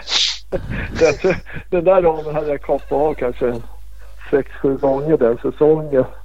Jag hade en kompis som hjälpte mig att svetsa den, spöade på lite färg och men den gick så jäkla bra. Fantastiskt hår. Helt galet. Särskilt i, i snöspår. Men det, det, är precis som du var inne på Ola. Det, man skulle bli fullständigt idiotförklarad om man tog en ja. ny hoj idag och kapade av ramen för att få dit. Ja, och så dessutom ja. gjorde om det helgen efter typ. Tillbaks bara. Ja, för att åka en annan klass. ja. Helt sjukt. Men, men, det, men, samtidigt känns det som att man, man, kanske var tvungen då. Men det var också så att i, idag folk mer pengar, jag vet inte. Men, men då har man två hojar bara, ja, eller två, tre, fyra. Två olika, ja. ja. två olika hojar. Eh, och det finns hojar och det liksom finns, ja. finns pengar med, med ja, både finns och inte finns. Men det är i alla fall det är lite lättare liksom. Det går att få kredit. Fan, vem som helst kan nästan gå och köpa två hojar om man vill det. Och sen måste man bara hantera månadskostnaden. Typ. Eh, så det, är lite annat och det är ju, kan, finns ju kanske såklart en fördel i det men också en nackdel att man inte lär sig. Jag kan ju tänka mig hur mycket ni lärde er av att hålla på sådär. Ja, man lärde sig otroligt mycket. Uh, och... Fast det var till mycket tid i garaget eftersom man dels jobbade ofta med det och sen meckade man liksom och kanske hjälpte andra och ja. Men ändå hann man med mycket annat ändå tycker jag. Ja, det kan man ju undra hur. Jag hade någon ja. sån fråga här i slutet. Som jag tänkte jag skulle fråga. Vad fan, har du gjort något annat i livet än åka motorcyklar? Det, det brukar vara så. Man klämmer in allt möjligt ja, ändå. Jag har fan varit i 98 länder så jag hunnit ja. ja, onekligen. Ja. Jag sprang ju mycket eh, som träning också. Jag kanske sprang 12-15 mil i veckan bara för att hålla igång kondisen. Ja. Jag sprang mycket tävlingar också, så halvmaraton och maraton. Ja, du ser. Fan. Jag... Det var, det var bra eh, att stärka nej. mentala. Ja, men det är ju jävligt mentalt tränande att springa maraton, helt klart. Eh, Jag, jag forskade lite innan, då fick jag höra någonting om någon tävling, typ till Treriksröse och tillbaks. Vad... Ja, de hade, ja, det var tidningen Bike som man brukar ha lite tokiga så här. Typ Canon Bike eller de brukar anordna men det har inte varit något på länge. Det fanns en som hette Nordens hårdaste knutte. Och då kände du att fan, här är något för mig. Ja, då fick man allt som rörde sig skulle vara med. Det var Sverige, Finland, Norge. Ja, alla som ville fick vara med. Och starta på påskdagsmorgonen från Solna när redaktion låg där. Och eh, man tyckte man var tuff då och tog på sig eh, ja, rallykläderna. Men jag började frysa när jag passerade Kista. Fuck! Ja, och vi skulle, det var 127 mil upp till Arvidsjaur inlandsvägen med 10 kontroller som skulle tas. Och då kunde man välja antingen skulle man vara snabbast dit eller och gena eller så skulle man ta kontrollerna. Men jag, jag tänkte kontrollerna är viktigare än att åka liksom idiotsnabbt. Så jag började plocka kontrollerna. Och det var ju så fyra på morgonen eller någonting. Och sen bara plocka, plocka. Och sen vid åtta var jag uppe i Edsbyn. Då tänkte jag nu skiter jag för det var så jävla kallt. Och då bodde mina föräldrar i, eh, i eh, Kilafors. Jag tänkte åker dit då. Då svängde jag in till Knåda. Han är en erkänd härlig gubbe. Ja. Och det var ju liksom, jag vet inte om det var åtta på morgonen. Solen kom upp och snön låg vit utanför. En gammal dam utanför. Så frågade jag om hon visste Arne bodde. Ja, det är min son det, sa hon. Så hon, hon gick och väckte honom. Han kom ut och yrvaken och undrade vad fan jag gjorde där. Ja, kom jag in. Då ska han bjuda på kaffe och pepparkaka och kaffe. Det tål jag inte. Jag var tvungen. Så det var bara byta om. Så tog han fram underspel så här, äh, i Helle Hansen och skoterhandskar och dojor och jag vet, klädde på sig mitt andra cross och endurogrejerna. De packade vi ihop. som fick han skicka till jobbet. Så. Sen fortsatte jag. Sen kom jag sist upp till Arvidsjaur. Då var det så här 28 minus där. Så hade jag förfryst ögonen. Sen fick någon jourhavande läkare komma och hjälpa mig. Finnarna var glada i bastun. Körde vodka. Och det var så jävla sjukt. Nästan var det var så 32 minus. Och så över till Haparanda. Och då hade en svensk, eh, en eh, väldigt duktig journalist. Han har ju kör ju för många då. Eh, Roger Schederin heter han. En riktig juvel. Han var faktiskt med mig till Peru. Han skrev ett reportage, jag tror det var för FIB Aktuellt eller Lektyr eller något sånt där. Då låg han i bakluckan på en bil och fotade och filmade. Och då skulle jag åka bakhjul över gränsstationen i Haparanda. När vi hade gjort det fem gånger så han var nöjd med bilderna. Då kom ju polisen och tullarna och de var inte så glada. Sen skulle man till ryska gränsen och fota en sån här gränsvakt med Kalashnikov och, och sen skulle man eh, ner till något hotell någonstans i norra Finland och så nästa dag till Helsingfors då. Och då var det barmark i Helsingfors. Och det var ju så mycket is överallt. Det var, det var jättekul. 350 mil var det på tre dagar. Så, så från att ha varit sist första dagen så var jag först sista dagen. Så att, eh, då var jag Nordens hårdaste knutt. Vad eh, åkte ni för hoj då? Eller åkte du för Jag hoj? hade åkt en- en DR 350 med dubbla bensintankar. Åh fan. Det är ju ingen jättekubikhoj att åka sådär långt på liksom. Nej, nej, det var ju många som åkte konstiga hojar. En åkte en Beluga 80 cc med Ja, hur mycket bensin som helst med en skoter. Men du vet, när det var is på vägen, han åkte omkull och for ju på ryggen. Och finnarna hade en CZ-skoter tvåsitsig med en KX 500-motor som gjorde 200 på E4. det var så mycket sjuka grejer. men, men bara liksom, ja men typ landsväg då eller? Eller vart var Ja, det var ju Liksom? grusvägar. Ja, det var ju småvägar. Och, Mm. och det är därför det varit så långt första dagen. 127 mil till Arvidsjaur, kanske 90 någonting. Annars Ja. 90, nästan 100. Men man skulle ta kontrollerna och jag, jag tror varenda, jag var nog den enda som tog alla kontroller. Ja. Och det Fan. lönade sig. Sådana tävlingar finns inte idag. Eller ja, det är ingen som berättar för mig om Nej, dem. ja, nej, nej. Det- Det finns en eh, som vi åkte också i början på 90-talet som heter Rally Los utanför Edsbyn där. Ja, ja. Eh, Den ska vi köra den sista augusti tror jag. Jag för mig att det var 60 mil på en dag.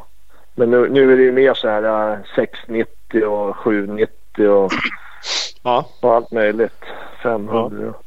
Men då är det liksom allt Men- är på tid då- eller det som ja. sträckor eller? Nej, nej, då är det mer en rolig grej med roadbook då. Ah, okej, alright. För du får inte arrangera en tävling Nej, med nej. Det tidtagning om det inte är sanktionerat. Så att Precis, det är precis. mera bus då. Men det är kul att åka sån här offroad. Men med roadbook då lär det ju ha torn och, och alltså det blir, Ja. blir jävligt, vad ska jag säga, tillkrånglat på en gång. Alltså det, det är inte, det är inte Nej, skitmånga som har sådana grejer. Där. Jag har hur mycket som helst. Ja. Hur många vill du ha? Till vilken hoj? DR 350? Jaha. Då kommer jag hämta en bike då innan dess alltså.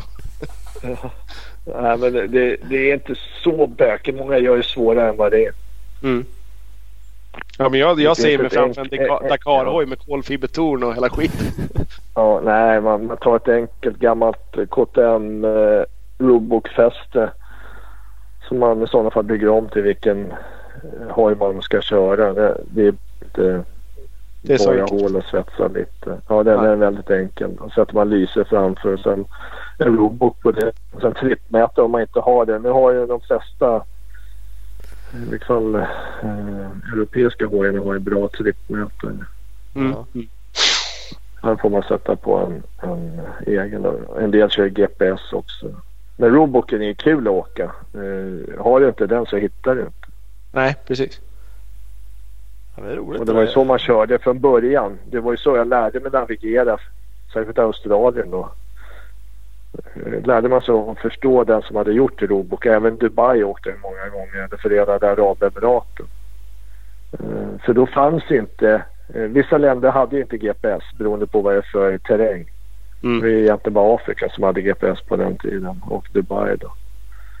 Men eh, kan du navigera rätt så eh, det hjälper otroligt mycket alltså. Mm. För varje felkörning det kostar tid. Mm. Jo, kan jag, tänka. Ja, men jag kan tänka mig att det är ett roligt moment. Jag har aldrig orienterat speciellt mycket man gjorde i skolan. Jag tyckte det var lite kul. Cykelorientering tyckte jag var roligt de få gångerna man gjorde det. Just för Ja. att momentet någonting annat inte bara var snabbast utan faktiskt eh, kunna... Börja tänka lite. Ja. Så att eh, kanske vi ska styra upp lite något sånt där galet också Ola. Eller Ja. vara med i någon Ja. annans. Men det är Ja. kul. Ja du ser. Ja. Ja, kan bli lite Vi intressant. får väl återkomma där efter det där. Rally Loos får vi väl höra hur det var. Ja, Jag tror att precis. det, vi, de ska vara max 60 stycken och som. Och det var Ja. ju fullt på en timme typ. Ja, Mm. det är så. Ja. Ja. Kul. Och det finns hur många som helst sådana här på nätet som är grusets vänner och eh, rally offroad-entusiasterna och Rally Raid Sweden och Som arrangerar är sina liksom- egna liksom. Ja. Ja, och, och kör träffas på helgerna och någon har gjort det rutt på en 20-30 mil. Och, och det är både Värmland, Småland, Skåne eh, och runt eh, de i Örebro och, och även vi här uppe och sen uppåt också. Mm. Så det, ja, men det är kul. Det är lagom gubbigt för oss då känner- man ju spontant. Ja, ja.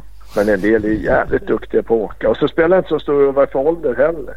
Nej, Du, nej, du anpassar fart efter underlag och din förmåga. ja, men det, är, det är såklart, och man kan ju göra det svårare än man är. Men det är inte, man inser ju själv bara liksom börjar bli 40 plus och man bara ah, åka full fart i skogen och det ska fan hoppas överallt. Och det, man, man, ibland känner man sina begränsningar. Vill man åka grusväg bara.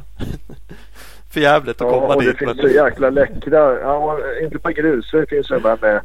Bäst är de med gräs i mitten. Liksom två hjulspår och ja, kan det bli en avstickare och endurospår och Precis. Och så kanske lite grus eller någon sandsväng. Och...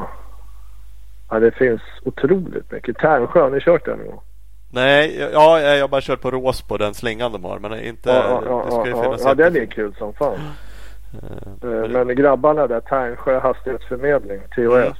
Mm. bröderna Olsson där. De är jävligt sköna. Vi brukar ju vara där och så kör vi en sväng med dem en dag. Och sist när jag var där, då tror jag vi det var 76 gubbar som mötte upp. ja, det är, må- det är. Och så körde, så guidar man då liksom och, och guidar hela gänget. Och då har jag infört som vi körde i Australien, man kör så här Cornyman system. Mm. Så att han som är först, eh, oftast kör man en väst så att alla ser vem som är först och så en med väst sist. Eh, som håller liksom ordning. Men alla däremellan roterar. Så fort den första gubben byter spår eller in i skog, ut i skog eller liten väg, stor väg. När det är oklart då stannar han som är bakom, visar allihopa. När sista man kommer åker man ut framför honom. Så roterar alla de här. Förstår med 76 stycken. Mm. Jävlar vad folk det var. Och så tycker jag att någon åker lite för sakta. Då får ju smita förbi lite snyggt. Utan att liksom vara taskig. Ja. Mm. Man får ändå Ja, bra men- rull på det om man har det sättet. behöver man inte stanna Ja, varenda jävla kurva ja, och Om alla vänta. förstår hur det funkar. Ja. Då, då, men det är så använder jag på turen också när vi är många. Mm. Även i, både i Sverige och utomlands. Mm. Ni får väl Ja, med det- på en tur. ja, gärna. Absolut. Här, här, härmed inbjuder jag er på en skoj på hoj-tur. Ja, Lämplig dag. Låter lysande. den, den tar vi Ja, gärna. då, måste ni, då måste ni ta ledigt eh, på dagen. Ni får inte eh, starta nio på kvällen. Nej, nej, nej, men det får vi... Det får vi lösa. bekymmer. Precis. Skit. Ja, men det vore kul. Jag tänkte, för du lägger ut mycket bilder. Jag tänkte på det som en fråga. Du är såklart varierande vilka som kör. Men det, det filmas ju mycket de här åka i stora vattendrag där det är vattenfyllt och det ska alla är inte superduktiga på att åka hoj. Nej, men de där, om, om man är, är, Det är många som nästan aldrig kört en hoj som jag lärde ut på gården. Ja, Och är det så att de, jag ser att de eh, har förstått. Då kan man ju ta med dem ut på en dagstur om man tar ut ett eh, körkortstillstånd på dem. Eller ja, en, en handledartillstånd tar man ut. Körkortstillstånd får de ta själva men att man är handledare åt dem. Och det är bra för det behöver inte gå någon kurs tillsammans som på bil. Nej. Då gäller det fem år. Så har man inte mc-körkort och vet att man ska åka med någon som har mc-kort. Då tar han ut ett övningshandledare. Ja, just Det är det. smidigt. Ja, Och då kan man åka i fem år tillsammans. Liksom. Helt galet. det är rätt häftigt det Och när man kört den där fem åren då kan man ju köra. Då kan man ju det. Men, men vad är den roligaste gästen? Alltså, jag och Ola hävdar väl ibland att vi kan åka hoj. Så skulle vi vara med då, då behöver vi inte lära oss att åka på gården. Men, men jag kan tänka mig kanske att en rolig gäst är de där som inte är så jävla superhändiga. Och att de på något sätt har en annan typ av glädje när de ja, låt säga, kör genom det där Ja, jag, vattendraget. ha- liksom. jag hade en, ja, en far och son här från Uppsala i tis, det var det, i lördags. I lördags. Och, eh, och sen på tisdagen hade jag Fredrik Stålnacke, kommer du ihåg honom? Ja, jajamän. farsa var med med sina kompisar. Och då var det en nere, någon crossfarsa från, var han från Skåne eller någonting. Han hade ju crosskläderna liksom i, i Småland, Skåne, jag kommer inte ihåg riktigt då. Och så var det en som körde Harley Davidson som de hade tagit med. Ja, Men nu ringde han med Harley Davidson och sa det, vad fan vad roligt det var, jag måste ju boka en gång till. Och han som körde cross då, han var ju lite, han, han var ju livrädd när det var vatten och lera. Men det här går inte, kör bara sa jag liksom. Han kunde ju köra men han, han var fortast som vatten och lera då stannade han nästan. Medan han med Harley Davidson, han visste ju inte vad det var för någonting. Han bara gasade. Han förstod inte bättre. Bara, "Ey, vadå? Nej, nej exakt. Ja, och det gick skitbra. Ja. Men då den här far och sonen i lördags där. Pappan kunde ju, sonen hade ju aldrig kört eh, en moped liksom. Men han var väl, jag kan ha plus 20 någonting. Men jag lärde ju, först kör vi lite på gården och lite cirklar lite så han får lära sig känna bromsar, hitta växel och dragläget är jätteviktigt. Ja. det, det, är väl det viktigaste så att de förstår dragläget och hanterar respekt för gasen och, och allt det där. Uh, och sen kör man lite grässtigar, en äng och bana så tittar man, ser man tips hur de ska sitta, stå och sådär. Man liksom fått in det där. Då provar man, provar man lite skog, lite svårare terräng liksom att de skiter sig så sätter ner, hjälp till, ser lite koppling, jobba, ser bra ut så bara ställa upp igen och åka. Ja. Och ja, han körde 11 mil vart det. Så hans farsa gav sig på eftermiddagen. Men grabben var med ända in i, i slutet och han gasade bra alltså. Riktigt bra. Ja, vad fan. Så han var så jäkla nöjd. Eh, Men det kan jag tänka mig. Jag har ju liksom haft polare som har provat lite sådär. De tycker också att det är sjukt roligt. Framförallt sjukt jobbigt. Eh, Det inser man inte om man inte har åkt. Att det är ju jobbigare än man tror att sitta på en motorcykel och åka runt. Men man älskar ju det här själv och vi vet ju vad som är så kul med det. Men då är det också så jäkla roligt när andra vill prova. Om man har möjligheten sådär någon gång ibland. Jag råkar Ja, två och, hojar och hemma. visa vad Liksom. vi tycker är kul. Ja, exakt. Ja. Och att det är ju så jävla häftigt. Och... Men, men sen är det viktigt att eh, ska man lära ut. Eh, många har ju åkt med sambon, brorsan eller farsan någonting. Nästan blivit påtvingad och sen har de inte fått rätt instruktioner och så blir det pannkaka slår runt eller du vet Ja. Mm. åker in i grannens häck eller någonting. ja. Eh, och gör sig lite illa. Sen vill de aldrig se en hoj igen. Nej. Det är ju sig klassiskt. Man får ingen instruktion alls. Alla sätter sig lite för långt bak, raka armar, släpper ut Ja, ja, kopplingen exakt. och så Ja, bär det ja, iväg ja, bara. ja. ja. Så jag börjar alltid med det här dragläget. Så Mm. får liksom inte åka iväg förrän de har förstått dragläget. Nej. Enormt viktigt. Så det, ja. Men jag har hållit på så länge också så att om man vill ju inte att någon ska göra sig illa i onödan. Nej men det vill man ju inte. Och fram, som sagt inte det och, och sen ha kul. Och det har man ju mycket roligare om man lär sig lite grunder.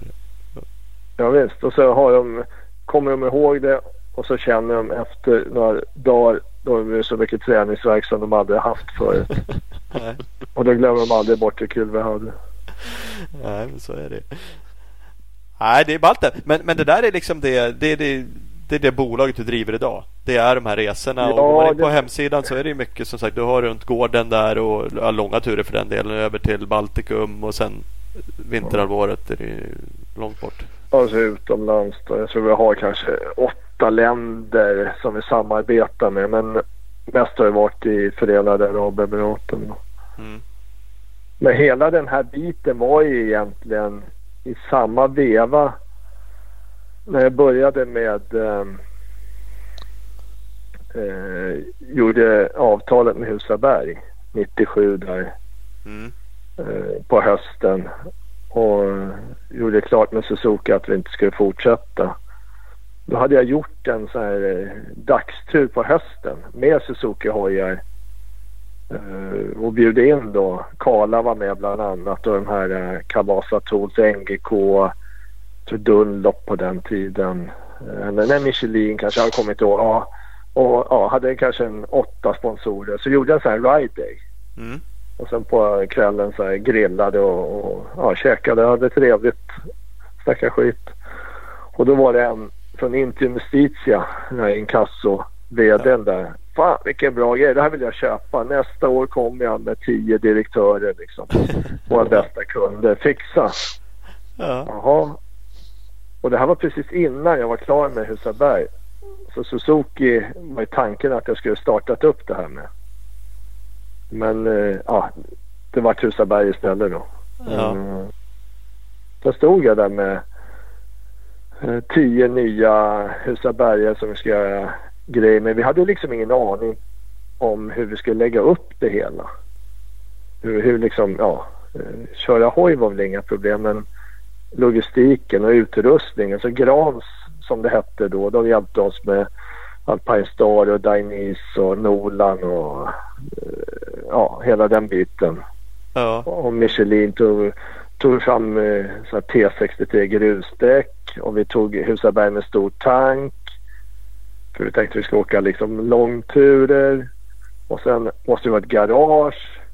ja, det är Så då lite. fick jag låna en Avis biluthyrnings gamla garage uppe vid Arlanda av Rickard Larsson som duktig endurocrossåkare från Orion. Ja, just det. hans eh, farbrors garage. Fixade det och då kunde vi tvätta för han hade BP Arlanda som vart Statoil sen. Eh, ja, så där började vi. Så 17 maj där stod vi och körde den där turen. Och sen har vi hållit på sen dess. Så det är 23 säsong. Ja. Mm. Fan, Det-. Ja. Är det lika kul då? Läst man, det är klart man vissa dagar ledsnar på det där också. Men du får åka mycket hoj för du, du är med på alla turer. Ja, ja jag, annars hittar de inte. Nej, nej så, så enkelt är det. Men det blir några timmar hoj åka. Ja, vi, vi har aldrig ställt in en körning på alla de här åren faktiskt. Be, obero, liksom beroende på väder eller någonting. Nej. Så det är bra. Och det gäller ju att motivera. Om du kommer då som kund oavsett vad det är för väder så måste jag motivera dig och känna dig glad och positiv. Det kan ju regna från start till mål liksom. Eller om vi kör två dagar, det bara vräker ner liksom. Och jag måste vara positiv så att du ser fan vad kul det här verkar liksom. Ja. Så att det är mycket där som man måste... Men sen känner man, man, man kommer in i en... eh, En... eh, Vad ska man kalla en... När man kör, man, man är inne i det. Man hittar stigarna, vägarna och så åker man liksom... Ja, man, man åker ungefär som du är på jobbet kanske. Ja. Det, det blir rutin. Ja. Sen var jag hos Anders Eriksson och körde läger här för några veckor sedan. I Hagfors i Värmland Ja. Hängde med några kompisar. Och eh, jag känner ju Anders sen han var liten. Eh, men bara de tips och råd du får som man är tillbaka som ja, för 20 år sedan. De lilla positionsändringarna på hojen. Då, då var man liksom, fan vad bra igår nu då.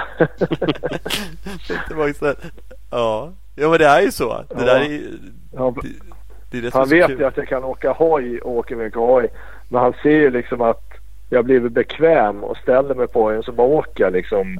Ja. Eh, Men då ändrade vi lite. Vad fan, då kändes det som fan det är snart start på race här liksom. Och, och, och då gick det så mycket lättare allting.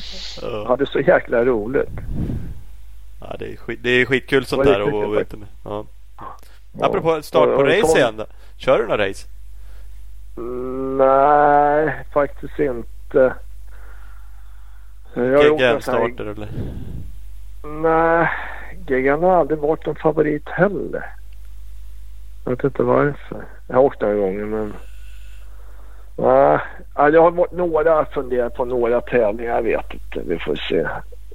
Nu, nu ska jag faktiskt göra ordning en egen hoj. Sist jag hade en hoj som jag verkligen gjorde ordning med allting. Det var 2005. Ja. Förutom de här som jag åkte långlopp med då. Eh, Ja. Men om jag här hemma åker enduro. Så nu håller jag på i ordning igen 15 år senare. För jag Ja. tar ju alltid en hoj som står. Om jag har 15 hojar och så får kunderna välja först och sen tar jag det som blir över. Ja.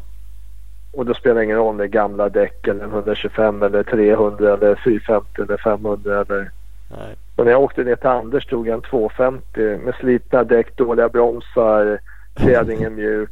Så han bara undrar, åkte ner för slalombacke full gas på fyran liksom. Han bara, din fjädring är i botten sa han. kan vi göra något? Nej tyvärr det går nog inte. det är kul hade vi. Så nu, nu ska jag ordna fjädring. Ja. Fjädring fram och bak, det är prio. Och så sätta upp den som, ja. Sen ska jag stå mitt namn på den så den får de ge fan. Så då har, har du en egen? Ja, ja men det är fan du ser. Så det kanske man kan åka en 60 plus tävling, jag vet inte. Mm. Exakt. Östra Open i vinter. Skicka ja, på. Kanske det. Ja. det värsta är att vi har startat upp eh, i Thailand. Som vi tänkte köra på vinter. All right. Ja. Ja, då, då, då lär du åka dit och lära dig hitta där med. Ja, ja, jag hittar bra där. Vi har åkt så mycket i okej. Asien nu. Right. Så att vi, vi skulle ha startat det i år. Men på grund av det, det här då så Mm. eh, med Corona så då vart det inställt. Så de hojarna som vi hade skaffat. Jag var där och provade dem nu. Och så till februari tror jag. Ja, nej, januari, februari. Nu hade kompisen där nere, ah, han hade sålt dem. Och jag var inte så nöjd med dem heller. Eh, nu hade han köpt offroad-hojar istället. Så tyckte han vi skulle köra offroad-turer upp till Chiang Mai och till Kambodja. Och Så Ja. vi får se vad det blir då. Men inte bara för svenskar utan det är för alla? Nej, nej, det kan komma vilka som helst. Mm. Så vi hade en första körningen som skulle varit nu i våras var ju för Yamaha Frankrike faktiskt. Ja, du ser. Men Men eh, sladda får bli- runt sådär och åka över gränser och grejer. Har du aldrig blivit rånad mot pistolhot liksom? Att blev av med grejerna? Du har åkt i så många länder. På, du har ju inte åkt bara i liksom skandinaviska länderna. På den tiden där i Peru då var ju de här eh, Sendero Luminoso eh, en sån här rebellgrupp i bergen som tog eh, de som skulle åka in till städerna och sälja varor så tog de någon sån tull eller någonting. Men jag tror ju att organisationen var serbis. De hade ju koll på det där ihop med, med eh, peruanerna där så att det är väl att man betalar en muta eller någonting. Så då stod det liksom smågrabbar med med maskingevär när man passerade in till nästa eller över ett bergspass eller någonting och liksom vinkade. Sådana sjuka grejer. Ja. Jag vet eh, en gång i, i Dakar så var det en maratonsträcka när du inte får någon service eh, eller det kommer inga grejer. Du hade fått skicka en liten påse med typ eh, ja, tandborsten kanske. Eh, man fick ha luftfilter i, i fickan i ryggen och, och en gasvajer och tändstift i extra i fickan typ.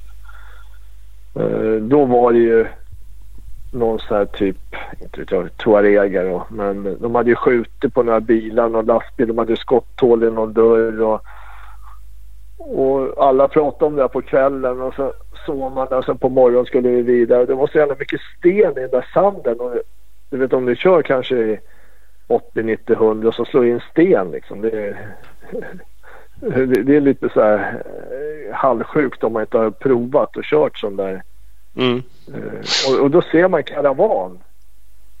Som liksom på långt håll. Och så började de vrida mot det, skjuta i luften liksom. Var man livrädd. Jag vet inte om det var en hälsning eller om det var någon sån här, som skulle robba en liksom. Men vi som åker hoj har inte så mycket med oss. Nej, nej, så blir det ju. Alltså, vi, så det var lite sådana där eh, skräckblandad förtjusning. Liksom. Man kan bli av med en hoj. För när du körde eh, Dakar, eh, v- va, då var det Afrika 97-98. Ja, sen åkte jag i Sydamerika 09 och 10. Men Ja, då åkte jag bil. Ja, just det. För nu är det flyttas Och- ju runt. Hej vill tänkte jag säga. Ja, till Ara- Arabien. Ja, till Saudiarabien. Mm. Men eh, jag rekommenderar inte att åka bil för det var skitjobbigt. Alltså, vadå då? Ja, Du ja, man ser ingenting och så sitter du fast. Ja. Du sitter fastspänd så hårt så att eh, du tar ju så mycket stryk. Jämfört med en hoj för där kan du parera med benen och du kan väja för grejer och du ser, ställer upp och ser. Och, så länge du inte vurpar på hojen så är det ju hur bra som helst. Ja, är Om du orkar att köra hoj. Ja, Enda fördelen med bil är att du kan ta med lite mer grejer och lite mer käk och, och ombyten och Men brann inte din bil upp? Ja, sista året ja. Men eh, nio så vart vi faktiskt trea i dieselklassen och vart 40 totalt tror jag. Som rookies. Det är ju Och sen bra. tio då blåste vi turbon när det var två dagar kvar. Eh, och sen skulle, byggde vi en Volvo där 2011 och den skulle ju gå där januari 12. Men ägaren och, och min teamkompis där, han gick tyvärr bort då på sommaren. Och sedan så hyrde jag ut till Alfie Cox som är en känd MC och bilåkare från Sydafrika. Mm. Och jag- Och jag varit sjuk på väg hem från Dubai så jag fick inte flyga på fem månader. Så då drog de ju ner hela, vi hade ju allting, jag hade redan skeppat allting, lastbil och servicebilar och vi hade tio man i teamet som var på plats och hela skiten där. jösses. Och då brann den upp första dagen. Det vart oljeläckage på en hydraulslang. Så tog det eld och vi, det är väl turbogrenrör och allt det som är så varmt. Så jag tror fem minuter brann det upp. Vi hade väl lagt ner 10 miljoner på projektet. Hoho. Så, det, Åh, fan. så det, det var, och, och jag såg det på tv liksom och låg och tittade. Yes, Dakar, bara hoppas det går bra för grabbarna. Och då jag hade precis kommit hem från sjukhuset. Jag legat där i två veckor någonting. Och så eh, ser man liksom eh, vignetten och visar så här bara. Ser man bilbrand. Och så ser man Volvo-märket. Nej. Ja, det var slut. Inte så jättemånga Volvos har startande kanske heller så att man kunde hoppas att det var någon Nej, och annan. vi Ja, det var nog bara vi. Ja. Och Volvo var ju nere. Cheferna på Volvo hade flugit ner. De var så imponerade av. Vi hade alltså över 200 personer från Volvo hade kommit till vår verkstad i Hindås utanför Göteborg och tittat på projektet. För Volvo var så att vi fick inga pengar för alla pengar gick till STCC, VTCC och allt det där. Vi fick Mm. grejer då så vi fick ju ta in externa sponsorer då. Så det var det jag höll på med. Sponsorer, marknadsföring och navigeringen och den biten. Men eh, när det hände då flög de hem. Men våra gubbar där nere hemresan för målet var i Lima i Peru. Det var ju på andra sidan Anderna tusen mil bort. Så de, de fick ta lastbilen sen fick de ut eh, skrotet som var kvar och, och ställa på ett släp och sen köra upp till Peru då. Och sen flyga hem där för det var ju två och en halv vecka senare var flygbiljetterna hem. Vad deppigt. Ja, de hade två, ja, första dagarna grinade de och sen var det vinprovning varje kväll resten. gick det, gick det Men bra vi, ändå? ja, ja, men vi har grejerna kvar. Vi har lastbilen kvar och vi har eh, dels skelettet. Vi har en bil som är nästan färdig. Som var tänkt till Tina Turner och Jutta Kleinschmidt. Men eh, eftersom Pelle gick bort och, och företaget där ville inte satsa vidare om vi inte fick in fler externa sponsorer. Då gick ju luften ur hela, hela projektet tyvärr. Mm. Det, men det var kul tid. Vi, vi åkte ju så mycket. Vi hade ju garaget först i Sydney utanför Sydney, Australien. Så vi pendlade dit första åren. Och, så det var fyra gånger på ett år. Ner och testade och tränade och tävlade. Men då körde vi för japanska Isuzu. Ja, just det. Men 10 Ja, miljoner. Men vad sa Pelle, vem sköt in pengar? Var det någon där också som... Ja, ja, förutom de externa vi fick in då så var ju Pelle själv. Då. För det, det är liksom eh, inte... Men, men, hur jobbar man med externa sponsorer i ett sånt här projekt? Det är ju liksom inte ringa eh, Nisses eh, bilverkstad. Har du tid? Nej, det är, Sand, det är Sandvik, ABB, ESAB, eh, ja alla de här stora ja, mm, internationella företag. Va, vad säger man då? Hade- Nu är Dakar i sig väldigt stort. Jaha. Där måste man ju liksom spinna på att det verkligen är något form av genomslag att vara med här. Syns Alltså, det. vi hade ju en, en marknadstjej som hjälpte till att ta fram material. Då, som, vi- vi hade ju en eh, filmare som var med alltid och det var ju Pelles bror. Han har också tyvärr gått bort. Han jobbade ju för SVT eh, och var ju på mycket sport. Då. Mm. Eh, Så han var ju väldigt duktig. Så att eh, vi, vi gjorde en lansering på Volvo. Jag har en sån här showroom i Kungsträdgården. Mm. När vi visade bilen första gången. Och då hade vi bjudit in, det var ju Tina Turner med för hon var anställd ett tag hos oss. Ett år tror jag. För hon skulle ju dra in de stora tunga raketerna. Ja. Eh, och då hade vi liksom kanske bjudit in ett 50-tal. Jag tror det kom 200 pers. Med en sån här arabisk afton och ja, det var ett jävla drag. Då fick vi jättebra gensvar efter det. Så det var, det var när vi kunde visa upp vilka andra som var med i projektet. Så blev det lite Då ringa på vattnet. Då vill man... Ja, ja, ja. Då var det mycket lättare. Men det är fan... Alltså jag har ju aldrig hållit på på det här. Inte, inte lika svårt. Nej, nej. Liksom jag har ju haft lekstuga på svensk crossteamnivå och raggat liksom. Och då var det ju snarare lokala företag. Men man drömde ju liksom om det där. Och jag var på något möte med Coca-Cola liksom. Och det vart ingenting. Men man, Ja. liksom, men, men man har ju ändå svårt, eller jag hade i huvudet att liksom Ja, man får säga här nu liksom Coca-Cola så här, fan kan jag inte säga 10 000 då kommer de ju tycka att det är helt värdelöst. Men ska jag ja, säga ja, exakt. 300 liksom. Fan det är en jävla massa Ja. pengar. Då ska jag säga Vanilla jag jobbar med Har ni en miljon liksom eller två? Ja, helst. Ja, det, Men det, sen, men sen var ju Pelle om inte om vi säger att han, ja, nu, nu drar vi ihop fem miljoner så fick jag ihop eh, tre miljoner. Så Ja, fattas det två miljoner. Då sköt han till det själv om, det, om vi inte fick ihop det.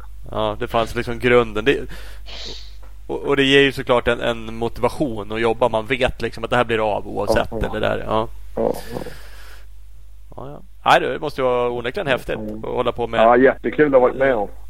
något som man, om man vill vara lite elak, säger är lek liksom. Några stycken ska åka och köra lite racing Ja. och så är det 10 Och- miljoners och sen- budget. Och, Sen umgås med de här som Sven Kvant som är eh, vars familj eller och mamma är hon är näst rikaste kvinnan i Europa och de är största, familjens största aktieägaren är BMW eh, och sådana och äger Varta batterifabriken och du vet, han får liksom då när vi träffades och höll på eh, på 90-talet där då fick han 100 miljoner av mamma per år att leka med ungefär. Nu är han ju eh, så etablerad så han sköter ju Mini. Sköter han ju. Och förut var det BMW. Ett år hade han både Mitsubishi, för Mitsubishis chef hade gått bort och BMW. Så hade han ju två fötter liksom. Bytt jacka och sprang emellan nästa team.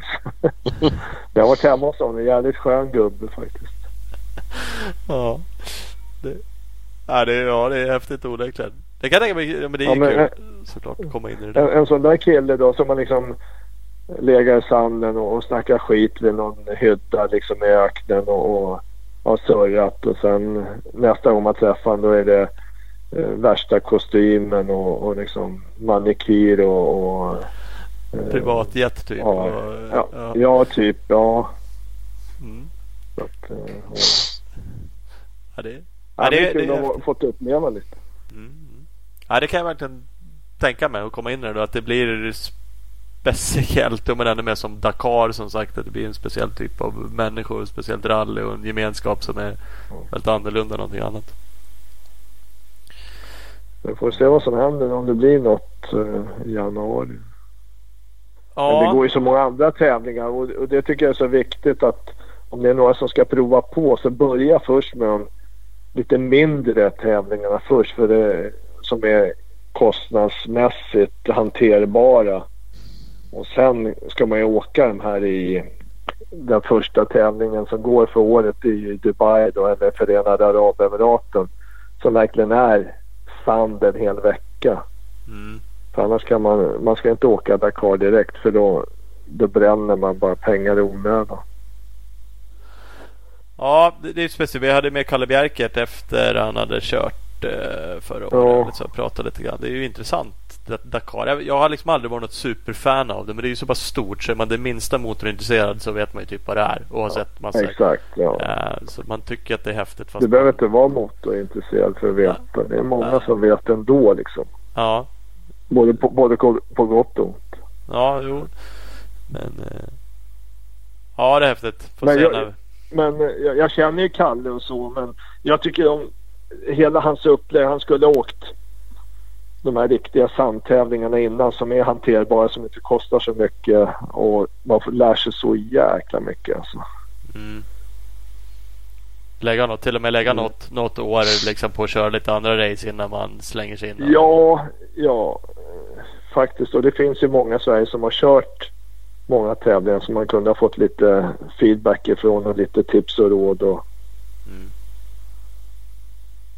Jag får hoppas han provar igen då men bygger upp det på rätt sätt. ja. Jag har inte hört någonting mer. det finns ju många. Alltså, nej, jag har inte hört något annat. Men det finns många som vill åka. Det är många som har eh, funderat och vill och, och sen när det börjar liksom dra ihop sig. För du behöver planera minst ett år innan. Mm. Eh, och sen ska du ha en färdig hoj eh, klar liksom så att du kan börja åka. Helst eh, en, en riktig hoj liksom. Inte ta någon som vi gjorde på den tid byggde själva. Men när det finns. Det är så svårt att uppfinna hjulet när det finns riktiga hjul. Mm. Så är det ju. Jag bara få fatt på en sån. Men det finns väl några stycken och ha råd att köpa en. Men, men det lär man ju ha. Ska man göra den där satsningen så lär man ju ha budgeten. Annars är det ju verkligen ingen idé att hålla på. Det, det går ju inte. Nej, det är prio ett. Och sen välja då. Ska jag åka för att försöka ta mig i mål eller ska jag ha mekaniker och liksom satsa mm, ordentligt liksom. Det, och ska man satsa ordentligt så ska man ha en som Kalle har en bra bakgrund. Han är otroligt duktig hojåkare så han har ju förutsättningarna.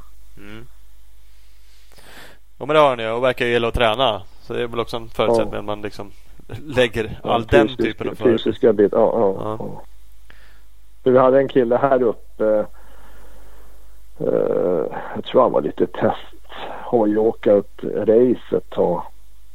Han körde tre Dakar. Man kom väl första gången en dag, andra gången två dagar, tredje gången tre dagar. Mm. Och vi var och tittade på honom och sa men den där kan du inte åka på, den är inte färdig. Men jag hinner inte, sa han. Ja, det är ingen idé att starta, jag till. Då kom han väl två dagar. Så han har bränt många pengar på de tre starterna. Ja. Och kommit så kort så att säga. För att han inte varit förberedd. Nej. Och även fast det är förberedd kan det skita sig så att eh, ja. Ja, det är speciellt. Vi får väl se Ola om du vill köra någon Dakar-satsning någon gång framöver. Här. Ja, ja gränsfall. Mini-Dakar. precis. Ja, precis. Åka någon, någon sandslänt här hemma. Några timmar per dag. Ja, det är något annat. Hörru, vi ska strax eh, runda av. Det, det, det ja. säger vi jämt nu för tiden också. Vi säger, vi säger jämt att vi säger jämt. Men det är så roligt att prata. Man skulle kunna hålla på länge. Eh, men, men jag vill in lite på. Jag ställde en fråga i början där. Bensin eller el? För du, ja. du håller ju på lite med Cake elhojarna ja. vad jag förstått. Vi håller på väldigt mycket. Ja, ja och det, det, det, har jag nog inte fattat du håller på så mycket. Jag har sett lite bilder och tänkt ja, men det är klart du har ju skoj på hoj och det, det där är väl ett bra komplement eller stiga ha också för prov eller äventyrskörningarna liksom. Men det är inte bara på den nivån du håller på med det där? Nej, vi hyr ut eh, både lokaler för montering och sen har jag personal som jag hyr ut och så hyr jag ut lager och, och logistik. Och nu hjälper jag dem att sköta alla reservdelar för hela världen också. Ja, du ser. Uh, Emelie Dahl monterar hojar varje dag. Ja, ja, ja, ja. Hon har man ju sett som test, ja. test, testförare mm. på den i alla fall. Eller varit ute och dragit lite. Ja, Lisa var också vår testförare. Tyvärr så är hon skadad nu. Ja, precis. Armand. Att hon kommer tillbaka. Att de får en bra rehab då. Så hade jag en annan liten tjej som faktiskt hyr av mig här hemma. Hon bor i lägenheten bredvid. Uh, nu ska hon flytta till Enköping. Hanna Relander som också åker lite cross då. Ja. Ja, det ser jag. Hon har varit med och åkt lite cake också. För det är kul det där. För det är ett helt svenskt boende. Helt, helt kanske inte är. Men ja. det är ett svenskt startat. Ja, eh. ja det, det, är han som eh, startade POC POC. Ja, med skid, alpinutrustningen. Ja, Hjälmar det... och även cykelgrejer. Och de har väl lite av det mesta. Precis. Uh, när det såldes så startade han upp det här istället. Mm. Och därför heter det Ride Cake då, för POC står för Piece of Cake. Ja, just det. Du ser. Ride cake. Men det är, ju, eh, det är ju coolt det där. Det är ju alltid kul när det händer något när det är svenska bolag som gör någonting. Och marknadsföringsmässigt känns det som att de har... Eh, ja, de är duktiga. Nu, nu har ju med en fabrik i Taiwan då. Så Eddie som ansvarig för den var ju tvungen att flyga hem då. På grund av corona. Ja. Så fabriken i Taiwan kanske eh, kommer igång ordentligt nästa år igen då. De har ju lite produktion där nere också. Men det är därför vi har så mycket produktion hos oss nu för att det ska fungera ordentligt då. Ja visst. För ni Men det var inte meningen från början. Nej okej, okay, då skulle ja, du ha gjort... Ja. Ni färdigställer och bygger ihop bygger... hela cyklar? Ja, ja, ja. Så att eh, från början så skulle vi haft lite testutveckling, eh, så här uh, limited edition, Mm, ja, eh, och lite service av deras hojar de kör på de här eh, Hammarbybacken och Sälen och Åre typ då. Mm. Men eh, det var 18 månader så. Så det bara ökade. Ja. Ja, de, har tre, de är tre själva som är hos oss. Ibland någon till och sen är, har jag tre då som är, är där. Så, att, så det är fullt hela dagen. Ja. Men vi kanske skulle göra en för er istället. Ni kommer köra en offroad-vända med eh, cake istället. Vi lär köra allt bara. Ja, precis. Ställ, ställ fram allt som finns bara. Där, där. Bara inte. Nej, men det vore ju också skitkul. Jag tycker det där är roligt. Jag har ju... Ja, ni får välja. Ja, Vad är en? Bensin eller el. Satan. Nej, det går inte. Det blir två dagars helt enkelt. Ja, jag hörde det. Ja. Ja, det måste det bli. Uh, jag har kört uh, KTMs motsvarighet, eller motsvarighet, skitsamma. deras elhoj Freeride i. Och jag tycker det är vansinnigt roligt. Skulle gärna ha en sån här själv som ett komplement. Inte bara men uh, och, och uh, Cakes är också roligt. El är ju kul. Uh, tycker Ja, jag faktiskt. eh, KTM är ju mer som en MC. Mm. Caken är mer egentligen åt en mountainbike fast eh, eh, ja, det, det är lite, lite blandat. Eh, jag är väl inte så eh, glad i att man har för mycket cykelgrejer Nej. Men, eh, men den är ju så lätt så att den går ju att åka så fort på stigarna. Alltså Ja. galet fort. Mm. Men det gäller att lära sig hantera det för att du har ju effekten direkt. Ja, men det har ju det. Det är lite speciellt Ja. uh, med el, absolut. Så- Eh, Så förra helgen, eller torsdag till söndag åkte jag 18 mil. ja, det ser. Det är rätt mycket. Ja, 9 mil på söndag. Ja, ja. Då lär du ha med dig batterier då. Nej, jag, nej men 9 mil grejer jag det. Right. Eh, Så, så man kan åka om man inte kör som jag körde mountainbike-stigar och spårvägar och sånt. Så tre timmar tror jag man grejer om du åker eh, liksom normalt. Men kör du bana eller Gotland, för Kvarnström kör ju också cake.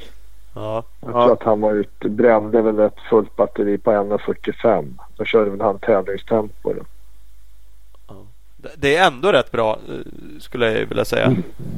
Jämfört med andra elvarianter.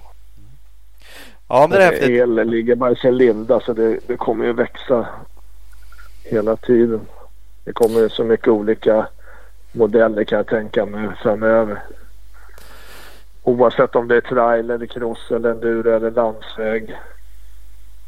Ja, men det känns ju som att det har eh, exploderat. Men det har hänt mycket. Och det, det finns ju mycket Ja, ja. e-mountainbikes. Och det är mycket. Ja, Ja, Så att det Och jag tycker faktiskt att det Ja, jag, jag gillar det. det, det helst Ja, skulle man ju ja, kunna men- hitta någon mellanting. får- Då, men... Vi får väl höras igen då. Så, men har ni tid och möjlighet så kommer ni upp och så kollar ni runt lite och sen kör vi en vända. Ja.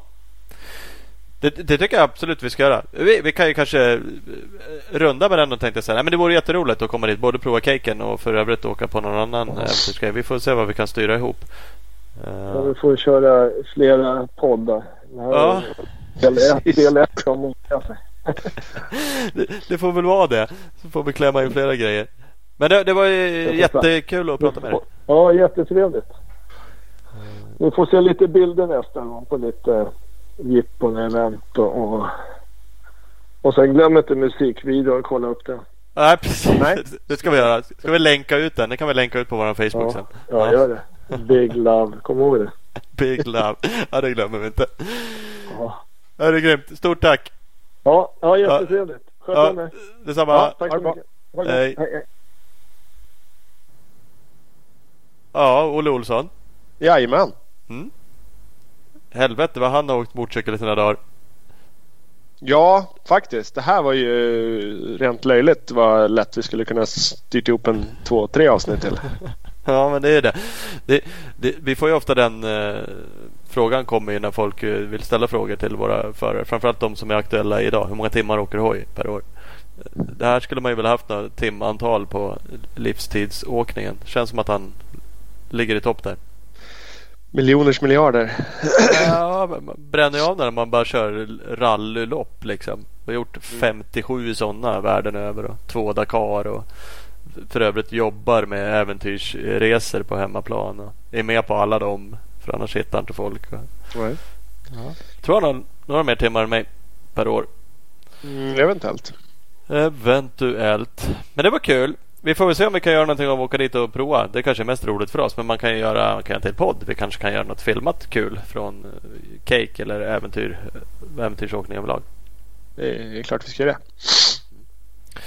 Ska vi eh, runda med våra partners?